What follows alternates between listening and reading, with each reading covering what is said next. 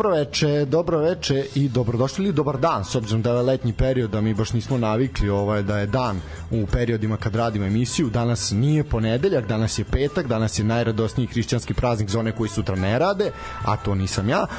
ovaj, tako da a, srećno svima koji slavite, a evo ovaj petak pre nego što zapalite u grad i ovaj, dok ovaj, Revna je napolje još uvek upaljeno onako na jednih prijatnih 48 stepeni, ovaj, vlažnost vazduha onako poprilično uvije nam u 60. godina, tako da za vreme jel, okupacije, elem malo ćete uživati pod klima uređajem, nadam se da, da imate i da ovaj se da kažem preživljavate ove zaista teške teške i naporne dane za nas koji ne podnosimo ne podnosimo ovu vrućinu 135. put se družimo u sportskom pozdravu čim je moj uvod ovoliki jasno mi je da ovaj Nikola mora teško zarađenu platu ovaj da stiče i ovim kasnim večernjim satima a da bi to izbegli u nekom narodnom periodu podaj gulovi negde bog Ovo morat ćemo isključiti, dobro. Ove, da bi to izbegli u nekom narednom periodu, a, možete nas podržati naš rad preko Paypala i Patreona. Sportski pozdrav je ovaj otvoren za sve vaše donacije. Ni jedna donacija nije ni premala, ani prevelika. Velika zadovoljstvo i čast večeras imati razgovor i imati priliku da ugostimo ovakvog jednog zaista ozbiljnog futbalskog radnika. Voliš titul sportskog radnika, to ili futbalskog radnika, kako ti dostoji? Pa to je terminologija neka onako starija koja vuče neku paučinu za sobom, tako da bolje ne. Bolje ne. Bolje ne. E, dugo smo se dogovarali, međutim prošli put ovaj kada je ovo sve trebalo da se realizuje, stigao je poziv sa sa Kipra, ali evo sada sada je ovaj se vratio sada je tu pa smo ga sada ovaj zarobili na ova neka dva sata malo razgovora i sa ove druge e, strane van terena. Prošli pa nek smo pričali sa Nikolom Komazecom i kako to izgleda na samom terenu a sad ćemo pričati kako to izgleda ovaj iz kancelarija na stadionu. E, moje veliko zadovoljstvo dobroveče i dobrodošao sa mnom Bojan Offenbecher. Dobroveče. Dobroveče tebi i svim našim slušalcima ovaj čast i zadovoljstvo doći kod vas ovde u emisiju dobiti priliku za ovako neki tip e, razgovora nešto u opuštenom u opuštenom formatu ali definitivno sa svom težinom vaših prethodnih gostiju može se reći ovaj vrlo vrlo ovako jedna ozbiljna priča. Pa hvala ti, hvala ti na tome. A, kako ti podnosiš ovu vrućinu, ajme to prvo, prvo to, što pitam ljude ovih dana, naš, kao, kako se snalazite? Pa ja imam tu neku sreću da zadnjih par godina dosta vremena sam proveo u nekim tropskim zemljama i, i klimama, tako da ovaj, adaptiran sam na ovu vrućinu. Više mi prija definitivno nego, nego ovaj, zimski uslovi, pogotovo za rad svaka čast. Ne znam šta bih ti rekao, boga mi je, boga mi je borba. Uh, stiglo je stiglo je dosta pitanja, ovaj koje ćemo onako u, kroz razgovor ovaj negde prožimaće ceo ovaj naš razgovor večeras, a, a evo samo da podsjetimo ljude da znači pitanja za naše gosta možete slati na broj telefona 065 6 3 jedinice 073. Znači to je broj za SMS poruke, ovaj ako želite nešto da priupitate ili da se ubacite u ovaj naš naš razgovor. Uh, kratko, ajde pre nego što bavit ćemo se malo i aktuelnostima i svemu što se dešava ovih dana i nedelja, nismo ovaj, dugo pričali o Superligi. Malo je, znaš, nakon što ispratiš svako kolo iz kola u kolo iz kola u kolo, malo ti treba brati odmor. znaš, kao je. Jeste, da. da. Znaš, ono, teško je zaista pogledati 7-8 utakmica naše lige svakog vikenda, to je malo onako, malo već utiče na psihu. Potpuno te razumem, da, s obzirom na, na opis posla, jasno mi je, jasno mi je kako. Sve ti je jasno. Ovaj, uh, da, da, to ono, braće po mukama. Ovaj, uh, ajde nam se predstavi, šta je tačno tvoje futbolsko, znači zvanje u futbolskom sportu, ajde tako kažem. Pa da, to je neka, neka definitivno problematika, da kažem, te naše... Sistematizacija u, rada. Da, da, da, uske sistematizacije. Ovaj, u suštini ja sam futbolski trener, neko ko je počeo od nivoa školica futbala i dosta godina proveo tu kroz e, neki omladinski futbal, kadetski, omladinski u Česaku iz Čelareva, recimo, koji je u to vreme imao ovaj, odličnu školu futbala, iz koje su izašli neki superligaši i neki internacionalci na koje smo vrlo ponosni. Ovaj, nekih 12 godina rada, da kažem, u nekom, e, kako to vi kaže, youth futbalu, u omladinskom futbalu. E, I nakon toga prva neka ekskurzija u, u, u arapski svet, u Emirate, gde sam bio deo stručnog štaba u 21 e, El Fujere i tu u stvari prvi put uviđam neku kompleksnost, da kažem, profesionalnog futbala, šta to znači stručni štabovi, koliko je to u stvari na nekim ozbiljnim nivoima ovaj, kompleksno, koliko tu ljudi radi, koje su to sve uloge i tako dalje. E, po povratku imam sreću da sa Milanom Kosanovićem pokojnim, e, kojeg smatram, da kažem, svojim prvim pravim mentorom, čovekom koji je jako puno uticao na mene i na to šta sam ja i ko sam danas. Njegova sugestija da se usmerim ka toj taktičkoj analizi kako bih u stvari ja kao neko ko nije igrao profesionalni futbal uspeo da svoj neki kvalitet usmerim i dođem do nekih nivoa ovaj, profesionalnih i ozbiljnih nivoa futbala. On je prepoznao meni taj neki kvalitet u smislu načina na koji gledam utakmicu, načina na koji vidim futbal, e, posvećenost poslu i to su sve neke karakteristike koje su za tu specijalizaciju neophodne.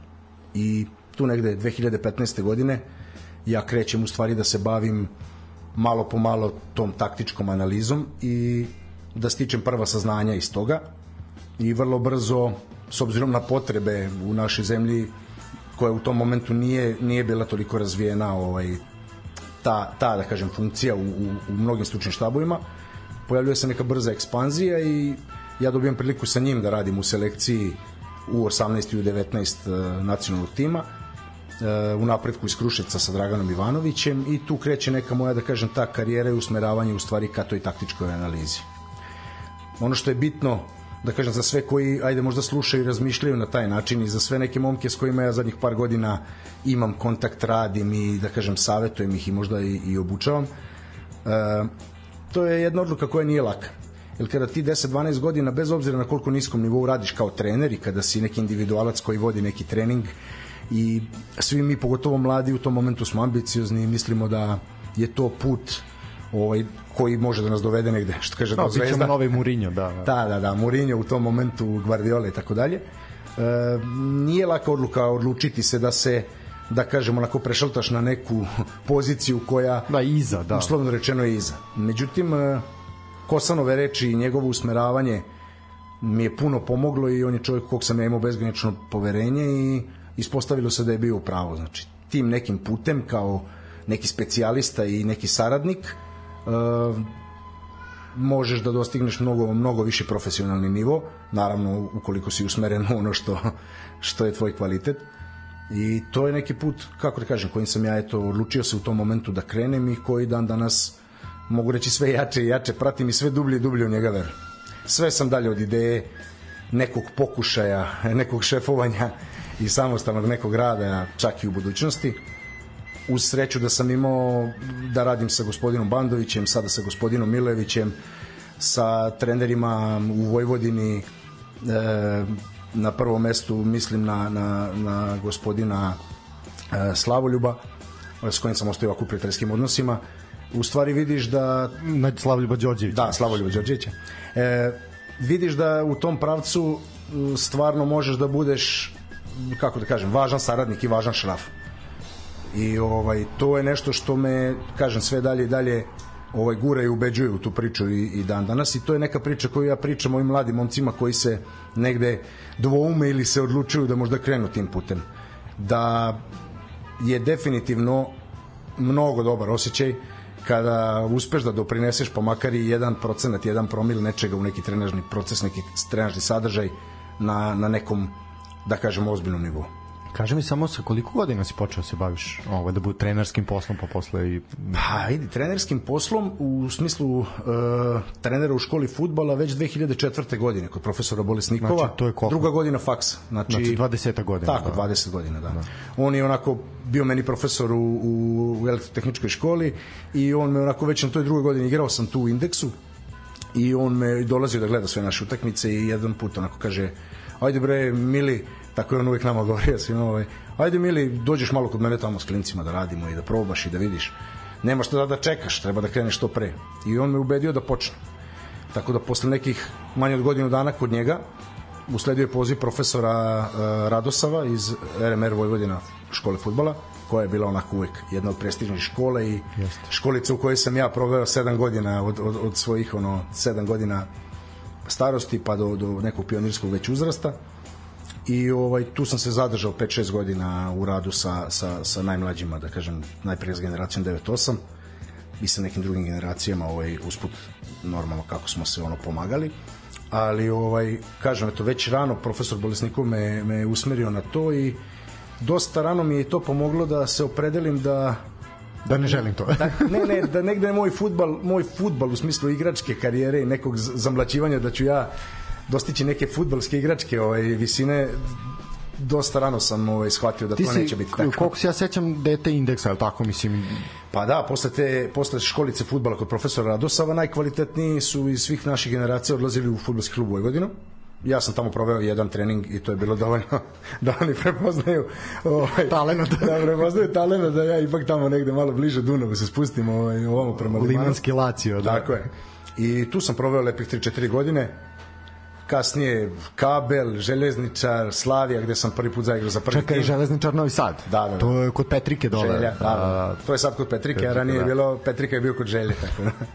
Mislim te neke ovaj relacije moramo zadržati, jer ipak Želja je isto Stari, da. gradska, gradska neka tradicija i gradska priča kao i UFK Slavija gde sam prvi put počeo da igram u stvari seniorski futbol i tu se pojavila ono u nekom momentu možda neka ideja da eto ja sa ne znam 17 18 godina igram za prvi tim tad su tu bili ozbiljni ozbiljni igrači Slavija pravila ozbiljan tim sa sponzorom DDR-om napad na srpsku ligu i tako dalje i ovaj u tom nekom momentu mi se pojavila onako ideja pa možda bih ja i mogao da ovaj igram taj fudbal ozbiljno a sve do tada, eto recimo nekih 11 godina treniranja je bila čista ljubav i čisto druženje i ništa više od toga.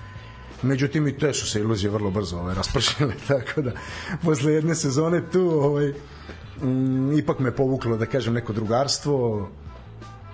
U Sremskim Karlovcima sam ostvario onako za dve godine igranja prijatelje s kojima se dan danas družim znači do kraja života. I kažem ta priča me igračka uvek negde vodila ovaj u, u taj neki amaterizam i u neku u stvari više ljubav nego nego neku ozbiljnost. I taj u stvari prvi kontakt sa trenerskim poslom je definitivno raspršio bilo kakve iluzije što se tiče nekog igranja. Rano i na vreme. I ovaj hvala Bogu. I jednostavno tu sam već studirao DIF i ovaj usmerio se potpuno ka tom da kažem nekom trenerskom trenerskom delu priče. I bilo mi je tad već jasno da ću se tu negde ovaj snaći u, u, što se tiče fudbala. A kaži mi, ovaj, došlo i na red i polaganje jel, UEFA licenci i to sve, ovaj, ajde malo to pojasni, pošto tu imamo dosta momaka koji nas slušaju, a koji oni imaju neku želju da, da steknu to neko, jel, da kaže zvaničnu potvrdu, mada ajde sad to onako poprično su i onako dosta je to sad i teško, ovaj, ko nije bio ovaj, neki, neki da kažeš ozbiljan igrač i nešto malo je to sad, jel, teže, teže doći do tih najviših rangova, ali kako funkcioniše polaganje za, za UEFA te trenerske licence?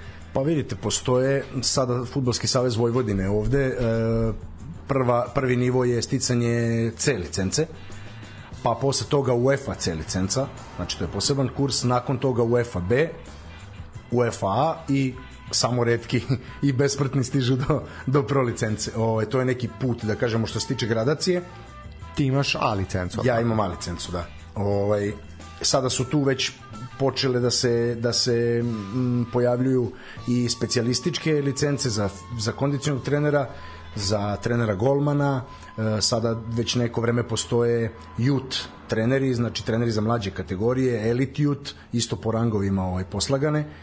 I u principu ta neka C licenca je neki početni kurs koji za koje ja mislim sad da, da vas ne slažem, ali mislim da je za njega potreba nekih šest godina igračke karijere, pa makar i na amaterskom nivou. Uh. -huh uz neke normalno tamo ostale stavke koje na Futbolskom savezu u Vojvodini na njihovom sajtu možete uvek proveriti i videti.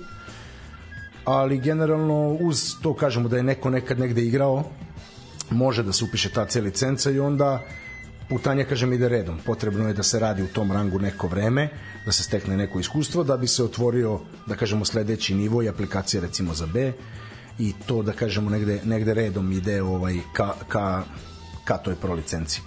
E, suština je u stvari u tome da kroz tu neku uvodnu edukaciju trebalo bi da svako od, od tih mladih trenera prepozna negde neki svoj pravac i nešto što u stvari jeste za njega. To je, to je neka glavna ideja i zato se sada sve više i više razvijaju te specijalističke licence koje ovaj su onako isto kursevi sa određenim ozbiljnim predavačima, određenim ozbiljnim programima. Naravno da je to individualni osjećaj svakoga od nas ko je, Naravno, da. ko je kroz to prošao, kako je kako je to doživeo ali u suštini to je neki to je neki put i neki proces za svakoga ko, ko bi želeo da se bavi da kažemo nekim trenerskim poslom. A, ajde, ovo si spomenuo, znači, ajde prvo ćemo se malo pozabaviti tom, ovaj, da kažeš, a, nacionalnim timom, jel, u, u 18. 19, pa ćemo onda krenuti na, na timove i na Dragana Ivanovića, na Govedaricu i tako dalje, ovaj, s kojima si, sa kojima si radio. Malo smo, ovaj, jel, sad kad si došao, pa u ovom off delu priče koji uvek bude onako zanimljiv sa gostima, ovaj, zbog čega je za tebe značajan taj rad u toj, ovaj, u tim mladim selekcijama državnog tima? Pa posle dugogodišnjeg rada da kažem na tom nekom nivou škola futbala i reto recimo u Čelarevu gde sam imao priliku da vodim i tu Ligu Srbije koja je u, u tom omladinskom nekom rangu ono najviši rang takmičenja. Samo izvini se što da. sam te prekinuo. ČSK je u tom momentu bio prvoligaš, al tako? Ili su već bili ispali? ČSK je u prvom momentu kad sam ja došao 2009. bio prvoligaš. Posle toga su ispali u Srpsku ligu i kasnije su se 2000 12. ili 13. Ne, vratili, vratili u prvu ligu i ja kad sam se vratio iz Emirata tih godinu dana sam proveo opet sa Draganom ovaj, u stručnom štabu tu u Česku i imali smo onako jedan lep uspeh, treće mesto u toj prvoj ligi Srbije i za napretka i Bačke koji su ušli u Superligu onako. To je neki prvi susret sa seniorskim, u stvari seniorskim futbalom, gde sam ja direktno bio uključen. Ovaj. U paralelno sa tim ta selekcija reprezentativno u 18 i u 19 sa Milanom Kosanovićem. E, kažem, posle dugo godina rada kroz neke sve te nivoje od, od, od rada sa najmlađim od 7 godina pa do, do omladinskog e, staža e, prvi put u stvari ja imam priliku da radim sa grupom najtalentovanijih izabranih, selektiranih dečaka ovaj, koji su nacionalnom timu u našoj zemlji i to je za mene onako jedno, jedno ogromno iskustvo koliko god ta reprezentacija bila, da kažemo, ograničena nekim malim brojem treninga i malog, u stvari, kvalitativno vremena ovaj, provedenog sa njima, e, fascinantno je kada probaš neke stvari, kada daš neke informacije, kada gledaš na koji način to radi recimo Kosan, e, Bajčetić, Kuljić i treneri Stevanović koji su bili u stručnom štabu, uh, fascinantno ti je, wow, ono, znaš, vidi ovo funkcioniše, vidi, vidiš ovo što gledam na televiziji ili što gledam neke treninge da na internetu ti budu dostupni, ovi ljudi to sprovode, to vidi kako ovi talentovni momci to rade. U tom smislu, prvi susret neki koji ti daje onako merljivost nekog tvog razmišljanja o futbalu sa time kako se to u stvari stvarno radi sa, sa najtalentovanijim dečacima. I iskustvo tih godinu dana ovaj, sa, sa tim momcima je stvarno bilo prelepo sjajno. I ono što sam ti rekao danas u uvodu na početku, ovaj, nešto na što sam najviše možda i ponosan kao neki uspeh koji sam ja negde najviše osjećao je taj uspeh, to osvajanje turnira eh, Stevan Ćele Vilotić u Subotici gde u grupi sa Francuskom i Amerikom izborimo prvo mesto, dobijemo obe te selekcije i na kraju u finalu uh, pobedimo Izrael. Mm, prva neka onako potvrda kvaliteta tih momaka generacije koja je onako dugo bila osporavana i Milana kao trenera nekog ko je već imao uspehe velike sa generacijom 9-5, 9-4 u Vojvodini, osvajao titule sa omladincima Vojvodine, što mnogi ljudi ovaj ne znaju i možete zamisliti koliko je to bilo teško u, u doba tih generacija Lazara Markovića u Partizanu, Luke Jovića u Zvezdi i tako dalje. Ovaj, tako da neka onako potvrda i neka, neka satisfakcija rada sa najtalentovanijim dečacima, znaš, opet negde kada bez obzira koliko si ti u toj priči neki šesti, sedmi šraf, tamo deseti šraf, nebitan, ti ovaj, kada stojiš negde uz liniju i svirati himne i kada vidiš tu, tu neku emociju, znači onda počinješ da shvataš da u stvari sve to što si ulagao svo vreme negde, negde kreće da se naplaćuje i kreće da, da vredi. Pa ja sad gledam ovaj koji su to koje su to imena bila tad, to su mislim mnogo od njih je izraslo u ozbiljne igrače. Da, izraslo je. Međutim godinu, dve, tri dana pre toga to je bila generacija u Savezu koja nije bila baš e, promovisana kao najkvalitetnija. I mnogi su selektori i, i treneri izbegavali čak ovaj izbegavali tu, tu generaciju, međutim Kosan kao neku nagradu za rad sa, sa Veljkom Paunovićem i titulu koju su osvojili na Novom Zelandu dobija ovaj dobija tu selekciju da, da, da radi. Ja kao neko ko je dobro poznavao 9-8 generaciju, ja sam dugo vodio kroz te sve ove školice futbala i mlađe selekcije. I kao neku koga on imao poverenje sam bio uključen tu u smislu te analize. I ovaj mm, pojavljivala su se pitanja u tom momentu upućena njemu gde si naš ovog Uroša Dačića pa on ne može da igra ozbiljan futbol e, Veljko Nikolić zašto godinu dana mlađi? E, Duci Vlahović e, u Partizanu u tom momentu vraćen u kadete nije u nekom povoljnom položaju nema ga u, u njegovim selektivnim generacijama zašto ga pozivaš bilo tu još puno momaka. Erhan Mašović sada. Erhan Mašović ja upravo gledam on da sa čekam da Sava Petrov sada je u Nišu Birmančević e, Marko Ilić golman. Marko Ilić takođe da da da, da njega za malo zaboravim. Njega neko doživljam kao mog ovde novosađanina iz da. Ajaxa škole fudbala dugo smo vodili bitke ali vidiš evo na primer jedan momak koji je meni baš žao što nije momak koji je bio i kapitan mlađih kategorija Partizana primer Strahinje Bošnjak koji da. na, nažalost deluje da nikad neće ostvariti taj potencijal koji je zapravo mogao Pa ispada tako. Mislim, on je jedan od mnogih da, sad ovde da, koji ima, ali njega navodim. Znaš kako, to su sve, da kažemo, neke, neke normalne stvari u smislu kada se globalnog nivoa gledamo razvoj jedne generacije. I toga šta su, šta su da kažemo, potencijali i kako se obeležavaju i koliki broj njih koji su obeleženi za neki potencijal u stvari dostignu te, te, te rezultate i potencijale. Naravno da u tim godinama kroz te razvojne procese puno treba imati sreće, puno toga fali u nekim klubovima, u nekim momentima. Prelazak iz omladinskog u seniorski futbal je nešto što je velika boljka uopšte srpskog futbala, ne samo, ne samo ovaj, ali ne samo kod nas, nego i drugim, u drugim ovaj, zemljama i jednostavno puno njih se tu u stvari izgubi između tog potencijala, da kažem, omladinskog futbala i stizanja u neki, u neki seniorski futbal takmičarski. Uh, Strahinja je bio sjajan. U tom momentu mi smo igrali taj neki sistem sa tri igrača pozati, uglavnom 3-5-2 i ovaj on je sjajnu ulogu igrao i kao taj levi štoper iako fizički nije bio e, dominantan ali je sjajno čitao igru ima odlične defanzivne intervencije bio mnogo agresivan puno nam donosio u iznošenju lopte u tim nekim stvarima kasnije u nekim drugim sistemima i u nekim drugim timovima nije se profilisao na pravi način i ajde kažemo ostao je na neki način nedorečen u smislu seniorskog futbala. Definitivno jedan od onih za, zbog kojih nam je da kažem ono žao da nisu dobacili mnogo, neke, mnogo neke, je tu, mnogo je tu sad momaka Luka Cucin isto jedan Tako od je, da. njih da. mislim Jovan Nišić po meni morao mnogo mnogo više ja ga se sećam iz tih mlađih kategorija Jest. Filip Čermelj ajde tu su Luka Ilić, Veljko Birmančević, ajde svi su oni na kraju nešto da kao ipak Luka Adžić, mislim, to su sve zaista zaista ozbiljna. Igor Zlatanović, na, da, da, da. šta, zaista.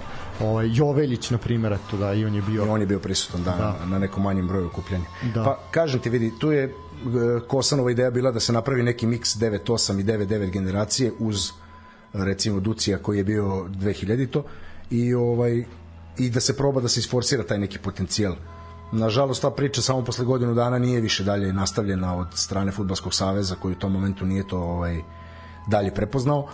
Naravno, ti momci su i nastavili da igraju kroz selekcije, većina njih i tako dalje, ali taj rad koji smo negde implementirali za tih godinu dana i koji je Kosan uh, odlično nosio, opet kažem, uz pomoćnike Kulića, Stevanovića i na prvom mestu gospodina Bajčetića, ovaj, nije nastavljen dalje. I to je opet jedan od onih naših problema o kojem pričamo, gde je kontinuitet najvažnija stvar i postoje bolji treneri, manje dobri treneri, bolji stručni štabo ili manje dobri, ali suština, suštinska razlika je u stvari kontinuitet u radu i to je ono što, što na kraju daje konačan taj finalni rezultat ili, ili ga ne daje. Jasno, mislim to to ono o čemu smo ovde pričali toliko i ono i sam taj broj koliko na primer eto u najelitnijem rangu takmičenja ove godine smenjeno trenere, ono da samo tri kluba su završila sa sa ono sa čovekom s koji su počela, mislim to je zaista Da, da, da. zaista zaista neverovatno, da.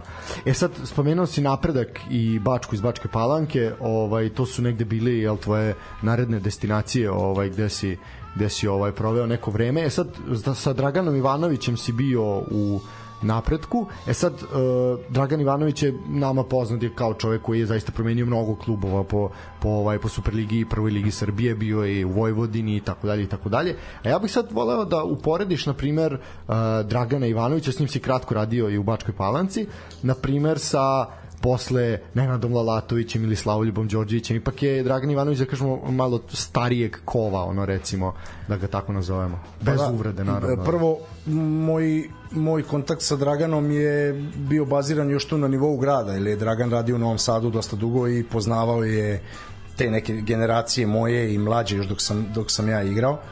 E, susretali smo se na terenu dok je on bio u ulozi trenera, a ja u ulozi igrača u tim nekim rangovima, gde kasnije ovaj, u školi futbala RMR on je vodio 9-5 godište, ja sam počeo da radim sa 9-8 i tu je neki naš, ajde da kažem, kontakt u smislu nekog, nekog trenerskog ovaj, dela počeo i negde 2009. godine e, je on u Čelarevu već bio nekoliko godina, uspostavio tu generaciju 9-5, paralelno vodio prvi tim i teo mladince. E, 9-5 igralo Pionirsku ligu Srbije tada, što je bio onako isto ve- veliki, veliki uspeh. I jednostavno on prepoznaje da je pravi neki da je moment da mene povuče, da kažem, iz te e, škole futbala, u stvari u neke, ajde da kažemo, takmičarske kategorije e, što se tiče pionira, kadeta, omladinaca i ja tada počinjem saradnju sa njim. Znači, naša saradnja traje kroz te mlađe kategorije u Čelarevu e, pa pet, pet i po godina i nakon mog povratka iz Emirata posle godinu dana moje uključenje u Čelarevu, u stvari u ČSK uh -huh. sa njim opet i taj odlazak u napredak ovaj ponovo sa njim u stručnom štabu. Tako da mogu da kažem da je on čovek koji je definitivno isto tako jako puno uticao na mene. E, naravno da sam mu, da sam mu beskreno zahvalan na tome. Mm, jedan od onih trenera u grupu u koju bi svrstao i, i Milana Kosanovića jedan od trenera koji jednostavno osjećaju, osjećaju futbol, koji futbal gledaju kroz kombinatoriku, kroz modelne karakteristike igrača i koji na futbal gledaju kao na šah.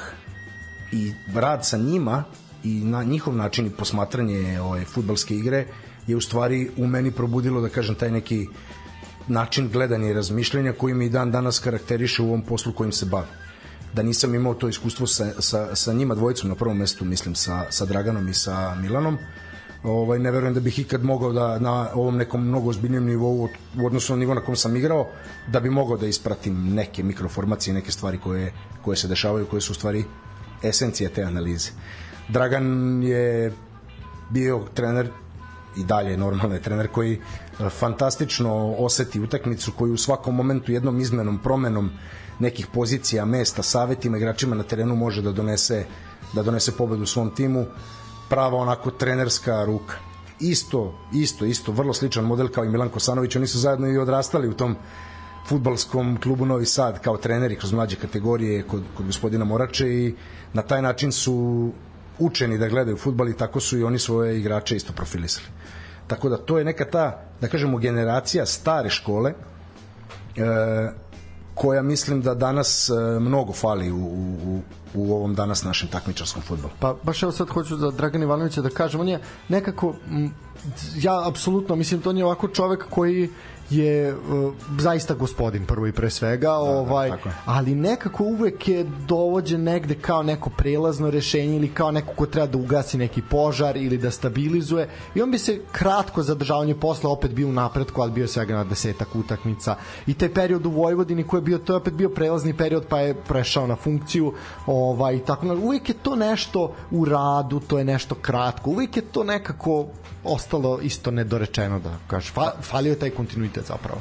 Kontinuitet, upravo to o čemu pričamo. Da. Znači, svaki rad traži vreme da bi dao neke kvalitetne rezultate. A takav rad, način na koji on, izvini sa što sam te prekinuo, ali ovde je emisija gde se možeš boriti za reč. Da, da. ovaj, Nije e, problem. Je, ovaj, takav rad iziskuje zapravo da bi se pokazali neki rezultati, iziskuje, iziskuje vreme. Naše. Apsolutno, iziskuje vreme, iziskuje strpljenje.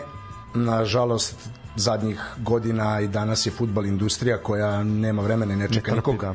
Ne trpi nikakve uh, emocije i nema tolerancije ni za kakve ovaj ni za kakve druge stvari osim čistog industrializma i to je ono što što je problematika u čemu se mnogi ne snađu kako mnogi mladi sa iskrenom željom za radom i napretkom tako i da kažemo ajde starija škola uh, koja posle 30 godina radnog iskustva treba sada da se adaptira na neke Na tranziciju, nove da, turbo da. turbo zahteve i to jednostavno nije lako.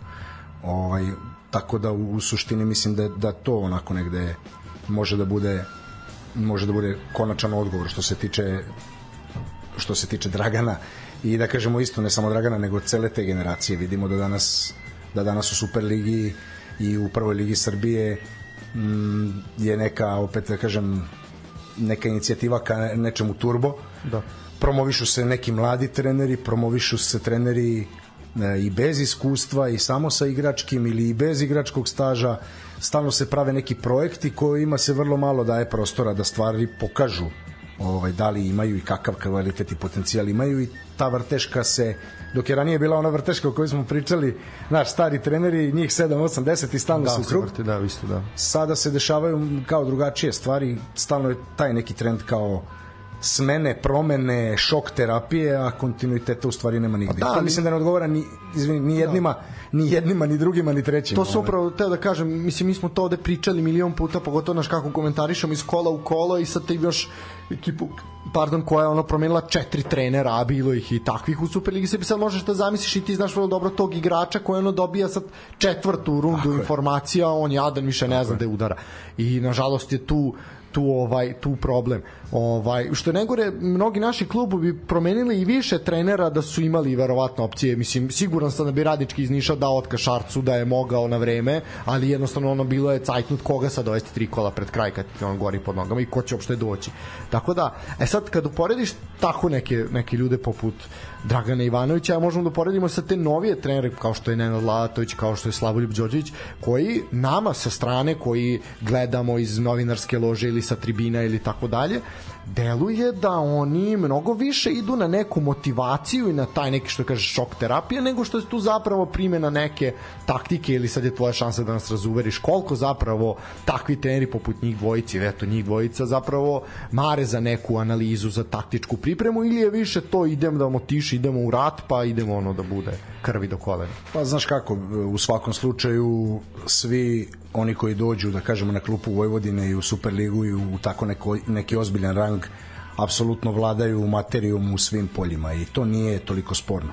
Ono što njih karakteriše, njihova energija koju nose, način na koji vode utakmicu, ono što je vrlo uočljivo, i onda jednostavno prvi efekat e, da kažemo i prvi prvi utisak e, gledalaca nas koji smo negde sa strane je taj vide energiju vide, vide, vide taj neki taj neki stil i mogu ti reći da to je često onako priča u nekim našim krugovima koji je metod pravi u suštini treba vladati svim tim alatima i onda primenjivati u odnosu od, na, na potrebu e, opet kažem ima trenera koji su veoma da kažem blagi, prirodni, mirni u svom pristupu, studiozni i tako dalje. Ima trenera koji su mnogo energičniji. Na kraju neukusno bi bilo sada upoređivati neke njihove rezultate i pričati o tome, ali definitivno ne treba ni banalizovati kao što umeju da, da to rade ljudi. I zato, ja i volim ovakve recimo emisije gde može da dođe do neke konkretne razmene mišljenja. Nisu klasični tipični intervju i, i razgovori gde su strogo usmerene neke priče. I neke stvari ne mogu do kraja da se kažu Evo sad na primer, sad na primer za za Nenada Latovića važi tako mišljenje da je on takav kakav je, znači energičan, sklon nekim ekscesima i definitivno specifičan da definitivno specifičan. E sad, ja tebi mogu kao neko ko, evo već sad koliko godina se bavi isključivo Superligom Srbije, zapravo ne isključivo, ali većinski fokus je na tome, Nenad Lalatović privlači pažnju na Superligu Srbije. Znači, ti si u jednom momentu imao kameru arene koja je posmatrala samo njega.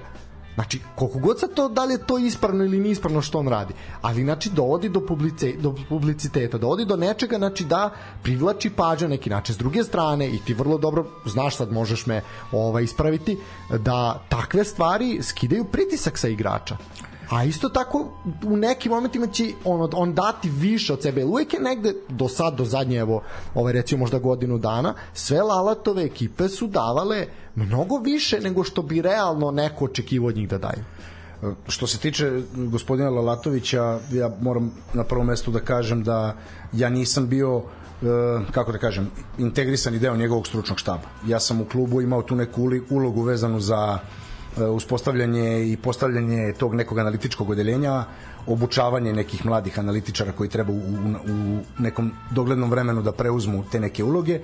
I nisam sa njim imao toliko direktnog kontakta. E, najviše sam sarađivao sa, sa Šarcem, e, pripremao sam za njih neke materijale koji su njima bili potrebni i to je bio onako neki specifičan odnos, tako da ne bih mogao i ne bi pošteno bilo da ja sad iz mog ugla nešto tu puno analiziram njihov način rada, naravno bio sam donekle prisutan, ali opet bih podvukao to da on ima definitivno specifičan na, nastup i specifičan način vođenja utakmice. Da. E, energija koju on prenosi definitivno vraća energiju u igrače i, i igračima daje neku dodatnu motivaciju. Kako god je nama ona izgledala sa strane u nekim momentima pozitivno, u nekim momentima možda i negativno. I to je sigurno jedan od važnih faktora, u, pogotovo u vođenju utakmice, ali i u vođenju treninga i jedan od važnih alata i onaj ko ima tu mogućnost i tu sposobnost da, da prenese kao na primjer Čolo Simeone tu energiju kao Antonio Conte tu energiju na svoj tim i na svoje igrače uh, naravno da to koristi kao moćan alat. Opet kažem što ne znači da drugi segmenti rada nisu uspostavljeni i, i nisu u funkciji. Međutim ovaj to je vrlo važna stvar. S druge strane imate pa možda je najbolji primer recimo uh, Don Carlo Ancelotti koji sada u ovim nekim zrelijim godinama u Real Madridu i toj nekoj konstelaciji stvari deluje kao neki onako mirni čikica koji je uvek nasmejan i sve je cool i sve može i sve je okej. Okay. Da, Ferguson sedim žvaćem žvaku. Da, A kada da. bismo vratili malo film i setili se njega iz Parme, iz Milana, iz, eh, iz Juventusa, iz tih nekih ranijih godina, uh, i vratili te neke slike, videli bih da je gorelo i tekako ovaj, i kod njega. Tako da, psihološka psihološki alati isto kao i taktički isto kao i fizička priprema igrača sve su to vrlo bitne ovaj stavke u radu svakodnevnom i posebno u vođenju utakmice jer to što kažeš nekad to skida pritisak sa igrača nekad im daje dodatni pritisak i motivaciju nekad je to jedini alat koji imaš nekada s tim alatom pređeš neku granicu pa izgubiš poverenje slačionice. Znači sve je to do ličnosti koja to nosi i to je definitivno jedan od važnih kvaliteta koje mora da ima svaki šef stručnog štaba, jedan od važnih alata kada će da digne temperaturu, kada će da, da, da, da, da smiri i da skine pritisak sa ekipe i to su, to su kažem, va, vrlo važni skillovi, što kažemo, ovaj, koje svaki trener mora da posede. Pa da, mislim, ajde nekako, ajde Lalat je onako Uh, zanimljiv svima nama koji pričamo svemu tome zbog broja klubova koji je promenio, zbog toga, izbog, ajde ako izuzmemo taj način pristupa sad i sve to, mislim što je teško izuzeti, ali ajde. A zbog publiciteta koji njega prati i koji on sam proizvodi, mislim. Tako je. I tako. Ali on znači, i sa svakim klubom, pa ovo sad što, je, što mu se desilo u mladosti sa novog naselja ili mladosti sa satelita, kome šta draže, mada ovde bila cele godine bila rasprava šta je ispravno. ovaj... Mislim da je satelit definitivno ispravno pošto, sam, pošto je to jedan od u kojima sam igrao u nižim rangovima. Ja to pričam, ja, veruj, ja sam to pričao od prvog kola. Mene, ne, to je novo naselje, to je mladce, znači, ne ves, ajde, dobro. Bilo koga od onih, da kažem, malobrojnih e, starih navijača koji su tu od šestog i petog ranga takmičenja, ovaj, kada ih pitaš, oni će ti reći da su ovaj, novosadski kojoti i kojoti sa satelita, znači niko ti od njih neće reći da je sa novog nasilja, tako da Elem, ovaj, vratimo se na, na tu. Mislim, došlo je do toga, u jednom momentu je ta raspa išla da sam ja poludeo i ono našao ovaj, neku staru ovaj, urbanističku mapu grada gde je iscrtano šta je granica satelita, šta je granica novog naselja. E, ako te baš zanima, znaš ko je zapravo u pravu? tehnički su obe strane u pravu, jer satelit je pod na, nastao kao pod naselje novog naselja. Slažem. Znači, tehnički to jeste i novo naselje i satelit, samo što se godinama satelit razvio i sad postao ozbiljan deo grada, ovaj, ali satelit, satelit najjači grad i tako dalje, jel? Ovaj, nekači se tamo i tako dalje i tako dalje, ima tako pesma. Je, da. Ovaj, ali, znači, tehnički su obe strane u pravu, ono, naš, može se podvesti ovako i onako, da. Mislim što se tiče identiteta ovih tamo navijača i pristalica. Oni će reći satelit, oni će Oni će reći sigurno satelit, reći. a oni su jedini merodavni da, da to odrede. Istina, da. Kako, ajde sad kratko smo spomenuli, kako gledaš na to, eto, mladost je ispala iz, ispala iz lige, jako je to bilo svega i svačega i promene trenera i dovoženje igrača, ono, bukvalno na kilogram šleperima. Imali su najprometniji su bili klub po transferima, najviše igrača je dolazilo i odlazilo i realno je bilo očekivati, teško za očekivati da će ostati u ligi. Uh, sad deluje da ih čeka sumoran period, ovaj, nažalost, ovaj za sve nas, za sve nas koji ono želimo da što više novosadskih ekipa bude tu ono pri vrhu i vojvođanskih i tako dalje. Ovaj što manje beogradskih. iz ovog studija, da. Iz ovog studija, da. Ovaj e sad kako ti gledaš na ovu odluku da Mladost Grad postane filijala, filijala Vojvodine? Šta misliš o tome? To dobra odluka, nije dobra odluka? Prvo, eh, iz ugla futbolskog kluba Vojvodina, to je jedna od vrlo važnih stvari. Uh, vrlo je važno da imaš uh, da kažemo klub u kojem možeš da imaš kontrolu nad e, razvojnim procesom igrača i koji može da služi upravo za ono čemu smo malo prepričali, da. a to je taj spoj negde iz juniorskog u neki seniorski futbal, taj neki prelazni deo, gde je čak neophodno, po mom nekom mišljenju, da futbolski klub Vojvodina ima nekoliko klubova uh mhm. -huh. u, da kažem, drugom i trećem rangu u kojima bi ti igrači mogli da se razvijaju shodno svojim potrebama u tom momentu. I to je ono što je vrlo bitno. Ti svake godine imaš izlazak uh, jedne generacije omladinaca, to je 20 igrača, je tako? Možda i najtalentovanijih dvojica, trojica kadeta su već spremni za seniorski futbal i to je 22, 3, 4 igrača svake godine koji bi trebalo da imaju negde neki prirodan nastavak. Uh, ako uzmemo u obzir da je recimo sezonu pre toga isti toliki broj izašao uh, i kojima još treba godinu ili dve nekog uh, tog ranga takmičenja da bi nastavili svoj razvoj, onda nam je jasno da to nije dovoljno da bude samo jedan klub. Tako da, s druge strane, uh, ubeđen sam opet u to što pričamo, znači da neka, neki kontinuitet i neka stabilnost je neophodna. Mislim da je mnogo važno napraviti neki stabilan plan koji će se pratiti u nekom petogodišnjem planu, desetogodišnjem čak planu, jer je to jedino merilo koje može dati prave odgovore, jedino, jedini vremenski period koji može dati prave odgovore na to da li je nešto ovaj, uspešno ili ne. E, lutanjem svake godine, svake dve godine, traženje novog kluba koji bi bio, da kažem, neki satelit ili neki, neka filijala, e, gubi se puno na organizaciji, gubi se puno na kvalitetu. Uh, ako je to ideja koja je izvodljiva i koja može da bude stabilno i konstantno ovaj, rešenje, ja sam apsolutno za to.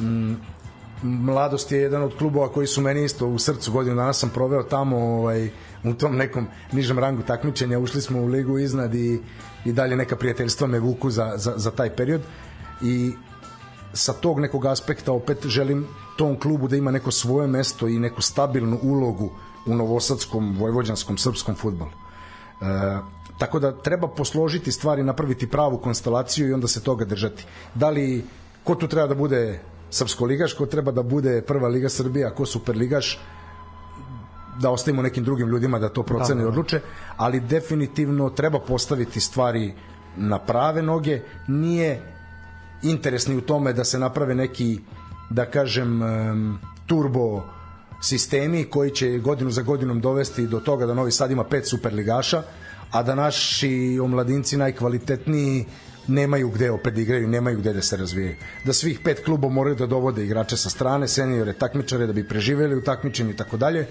a opet od te razvojne priče koje sam ja, ja sam duboko ubeđen da je to naš identitet i ne samo novosadski i vojvođanski, nego ne, i crški identitet. Da, državni, da taja gomila talenata koja se rađa svakog dana i uzima da šutira tu, tu loptu svakog dana po terenima e, mora da ima neki, neki razvojni put i to je ono na šta mi treba da budemo fokusirani dajem sebi za pravo da se dotaknem i te teme suprotno od onoga na što smo fokusirani zadnjih 20 godina, to je takmičenje, takmičenje, takmičenje, takmičenje. Svi da se takmičimo i ako možemo da imamo Superligu s 30 timova, da svi budu superligaši, da se svi takmiče i onda zadnjih dve, tri utakmice samo da imamo ko baš mora da ispadne. Da. Znamo ko će da bude prvak, jel?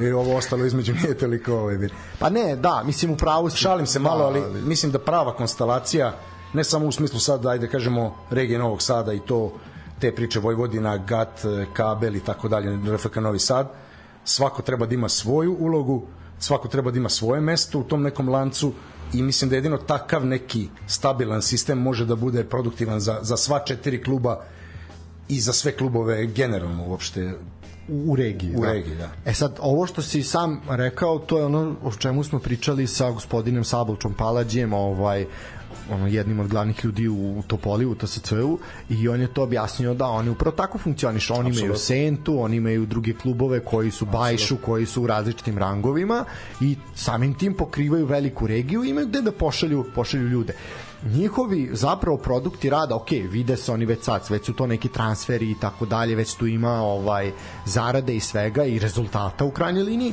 ali tek mislim da će se to pokazati kroz neki period. Znaš, ipak su oni još uvek sveži na toj sceni. Tako je, tek tako će to ono što kažeš 5 godina, 10 godina potrebno ono olimpijski ciklus da prođe u najmanju ruku. Jel? Pa vidi, to, to nisu izmislili ljudi iz TSC, niti ne, su to izmislili naravno, da. uh, njihovi mentori koji su im pomogli da uspostave taj naravno, sistem. Naravno. Uh, to je sistem koji svuda u, u Evropi, u svetu, da kažem u futbalski naprednim zemljama tako funkcioniše videli smo projekte jedne Belgije, videli smo rezultate projekta jedne Holandije ranije, vidimo sada koliko napreduje jedna Mađarska, e, koliko napreduje jedna Hrvatska već godinama sa drugačijim nekim ovaj modelom.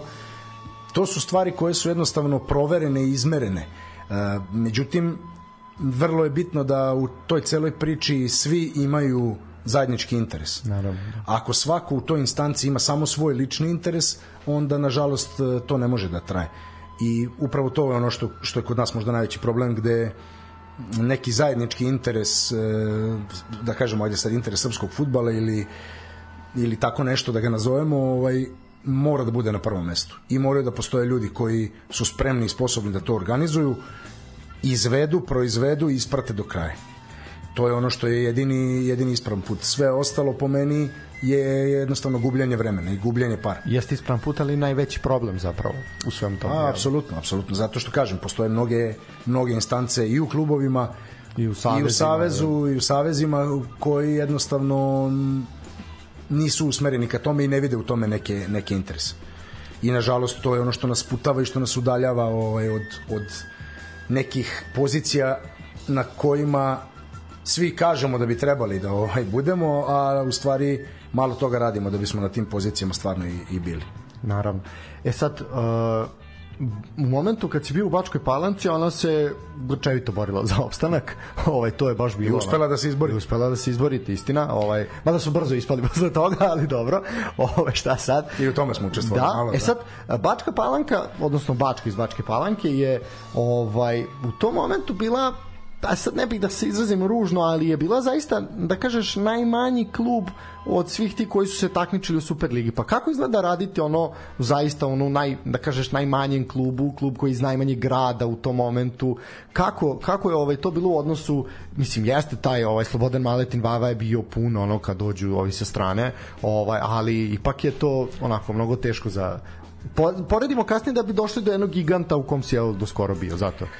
Pa vidi, uh, znaš kako, nekad uh, mala kuća i srećna porodica ovaj, proizvede i napravi mnogo više toga nego što neka bogata kuća i bogata porodica ovaj, može da napravi. Uh, u suštini, slažem se apsolutno s tobom da u organizacionom smislu OFK Bačka je u tom momentu bila daleko od, da kažemo, nekih superligaških giganata. E, međutim, neka domaćinska atmosfera i neka, neka bliskost i prisnost koja je opet negde važna za psihološko funkcionisanje i naših igrača i naših trenera i svih ostalih, jer smo mi negde svi manje više tako ovaj, vaspitavani i odrasli.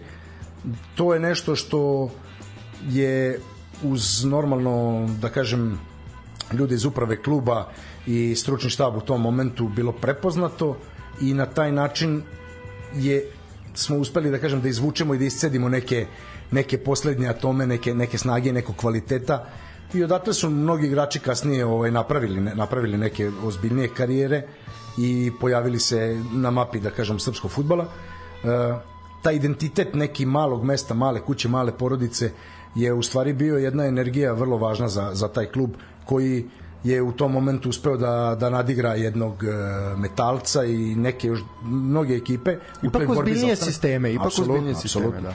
E, to je nešto što u tom momentu opet svojom nekom energijom kao šef je vodio Zoran Govedarica. E, Novak Maletaški i ja kao njegovi saradnici najbliži i gospodin Stevan Knežević kao trener golmana smo to pratili koliko smo isto kvalitativno u tom momentu ovaj, mogli kao kao pogotovo nas dvojica kao, kao manje iskusni treneri. Ali opet ti kažem znači ta neka energija i ta neka ta neka priča bliskosti i, i jedinstva je u stvari i uspela da, da bude onaj ključni tas na vagi da ta ekipa ipak izbori opstanak te godine. I ja često kad se šalim sa njima ovaj, kažem to je vaš najveći uspeh u stvari klubski. Nije ulazak u Superligu nego opstanak, nego opstanak u Superligi te da. godine. Da, da. ovaj, naravno šalimo se malo ali, ali u suštini da u suštini je to to i to je opet to nešto što pokazuje da psihološki faktor je vrlo bitan i da, da ta neka energija koja se pojavljuje u slačionici na treningu i, i na terenu u utakmici mm, može da da da, li da, da izvuče neki maksimum ovaj iznad iznad očekivanja. Da. da li su igrači rasterećeniji uh, u Ofka Bački u odnosu na na primjer na Vojvodinu? Zato što je naš kao ipak imaš tu neku ulogu outsidera konstantno, ono tokom cele sezone si outsider. Znaš, proti koga god da Bačka se susretne, naš, pa ipak smo mi, ono, ipak outsideri. U velikoj meri to zavisi od karaktera igrača. I neka konačna suma neki konačni zbir karaktera toga što, tih koje imaš u slačionici ti u stvari na kraju i daje ovaj neki, neki uspeh ili neki neuspeh. To puno zavisi od slačionice. Mm, teško je uporediti to u, na osnovi kluba u odnosu na klub, zato što kažem ti, mislim da to najviše zavisi individualno od čoveka do čoveka. Od sumacije tih karaktera koji su u tom momentu u slačionici zajedno sa svim ljudima iz stručnog štaba i svih, svim ljudima koji se koji se tu pojavljaju. I to je ono što, što, što u stvari definiše karakter ekipe u tom momentu, karakter tima. Uh, ima tu raznih teza, možemo o tome polemisati da li ovi koji su zaradili više love pa se vratili ili ovaj što je gladniji da se dokaže ili ne znam ni ja suština je da, da opet ti kažem to mora da bude neka energija unutar slačionice i mora da budu unutar neki karakteri koji to mogu da vuku i to je isto nešto što iz generacije u generaciju čini mi se da da opada, ali ne samo kod nas, nego generalno svuda u svetu. Uh, sve ove mlađe generacije koje dolaze sve su manje gladne, sve su manje takmičarski motivisane, sve su više usmerene individualno na svoje neke lične ciljeve pre nego spremni da se podrede timskim, klubskim mm, ovim ciljevima. Tako da to je definitivno nešto što se prepoznaje i u vrhunskom futbalu, znači nije to nešto što, što je samo kod nas. Tako da verujem da je to sada isto jedan od važnih segmenta kada se bira ekipa i kada se sastavlja tim i kada se dovode pojačanja. To je sigurno jedan od faktora na koje ljudi obraćaju, ljudi iz klubova obraćaju pažnju ovaj prilikom dovođenja igrača. Pre nego što odemo na Tajland i na ovaj Indiju i na Kipar, ovaj priča o analitičkom odeljenju i šta zapravo znači analitičko odeljenje i šta to sve kako to sve izgleda eto ti si da kažemo ovaj neko ko je postavio jel ovaj uh, u Vojvodini. Ajde, da, da, da li je to možda prejaka reč postavio temelj analitičkog odeljenja u Vojvodini ili nije prejaka reč? Pa ono i nije baš postojalo pre nego što se se pojavio. Nije postojalo na pogotovo, takav način. Pogotovo na, na, na takav način bili su tu neki stručni štabovi uh, stručni štab Ilije Stolice, stru, stručni štab Marka Nikolića koji su imali uh, definisane te pozicije u vidu jednog čoveka.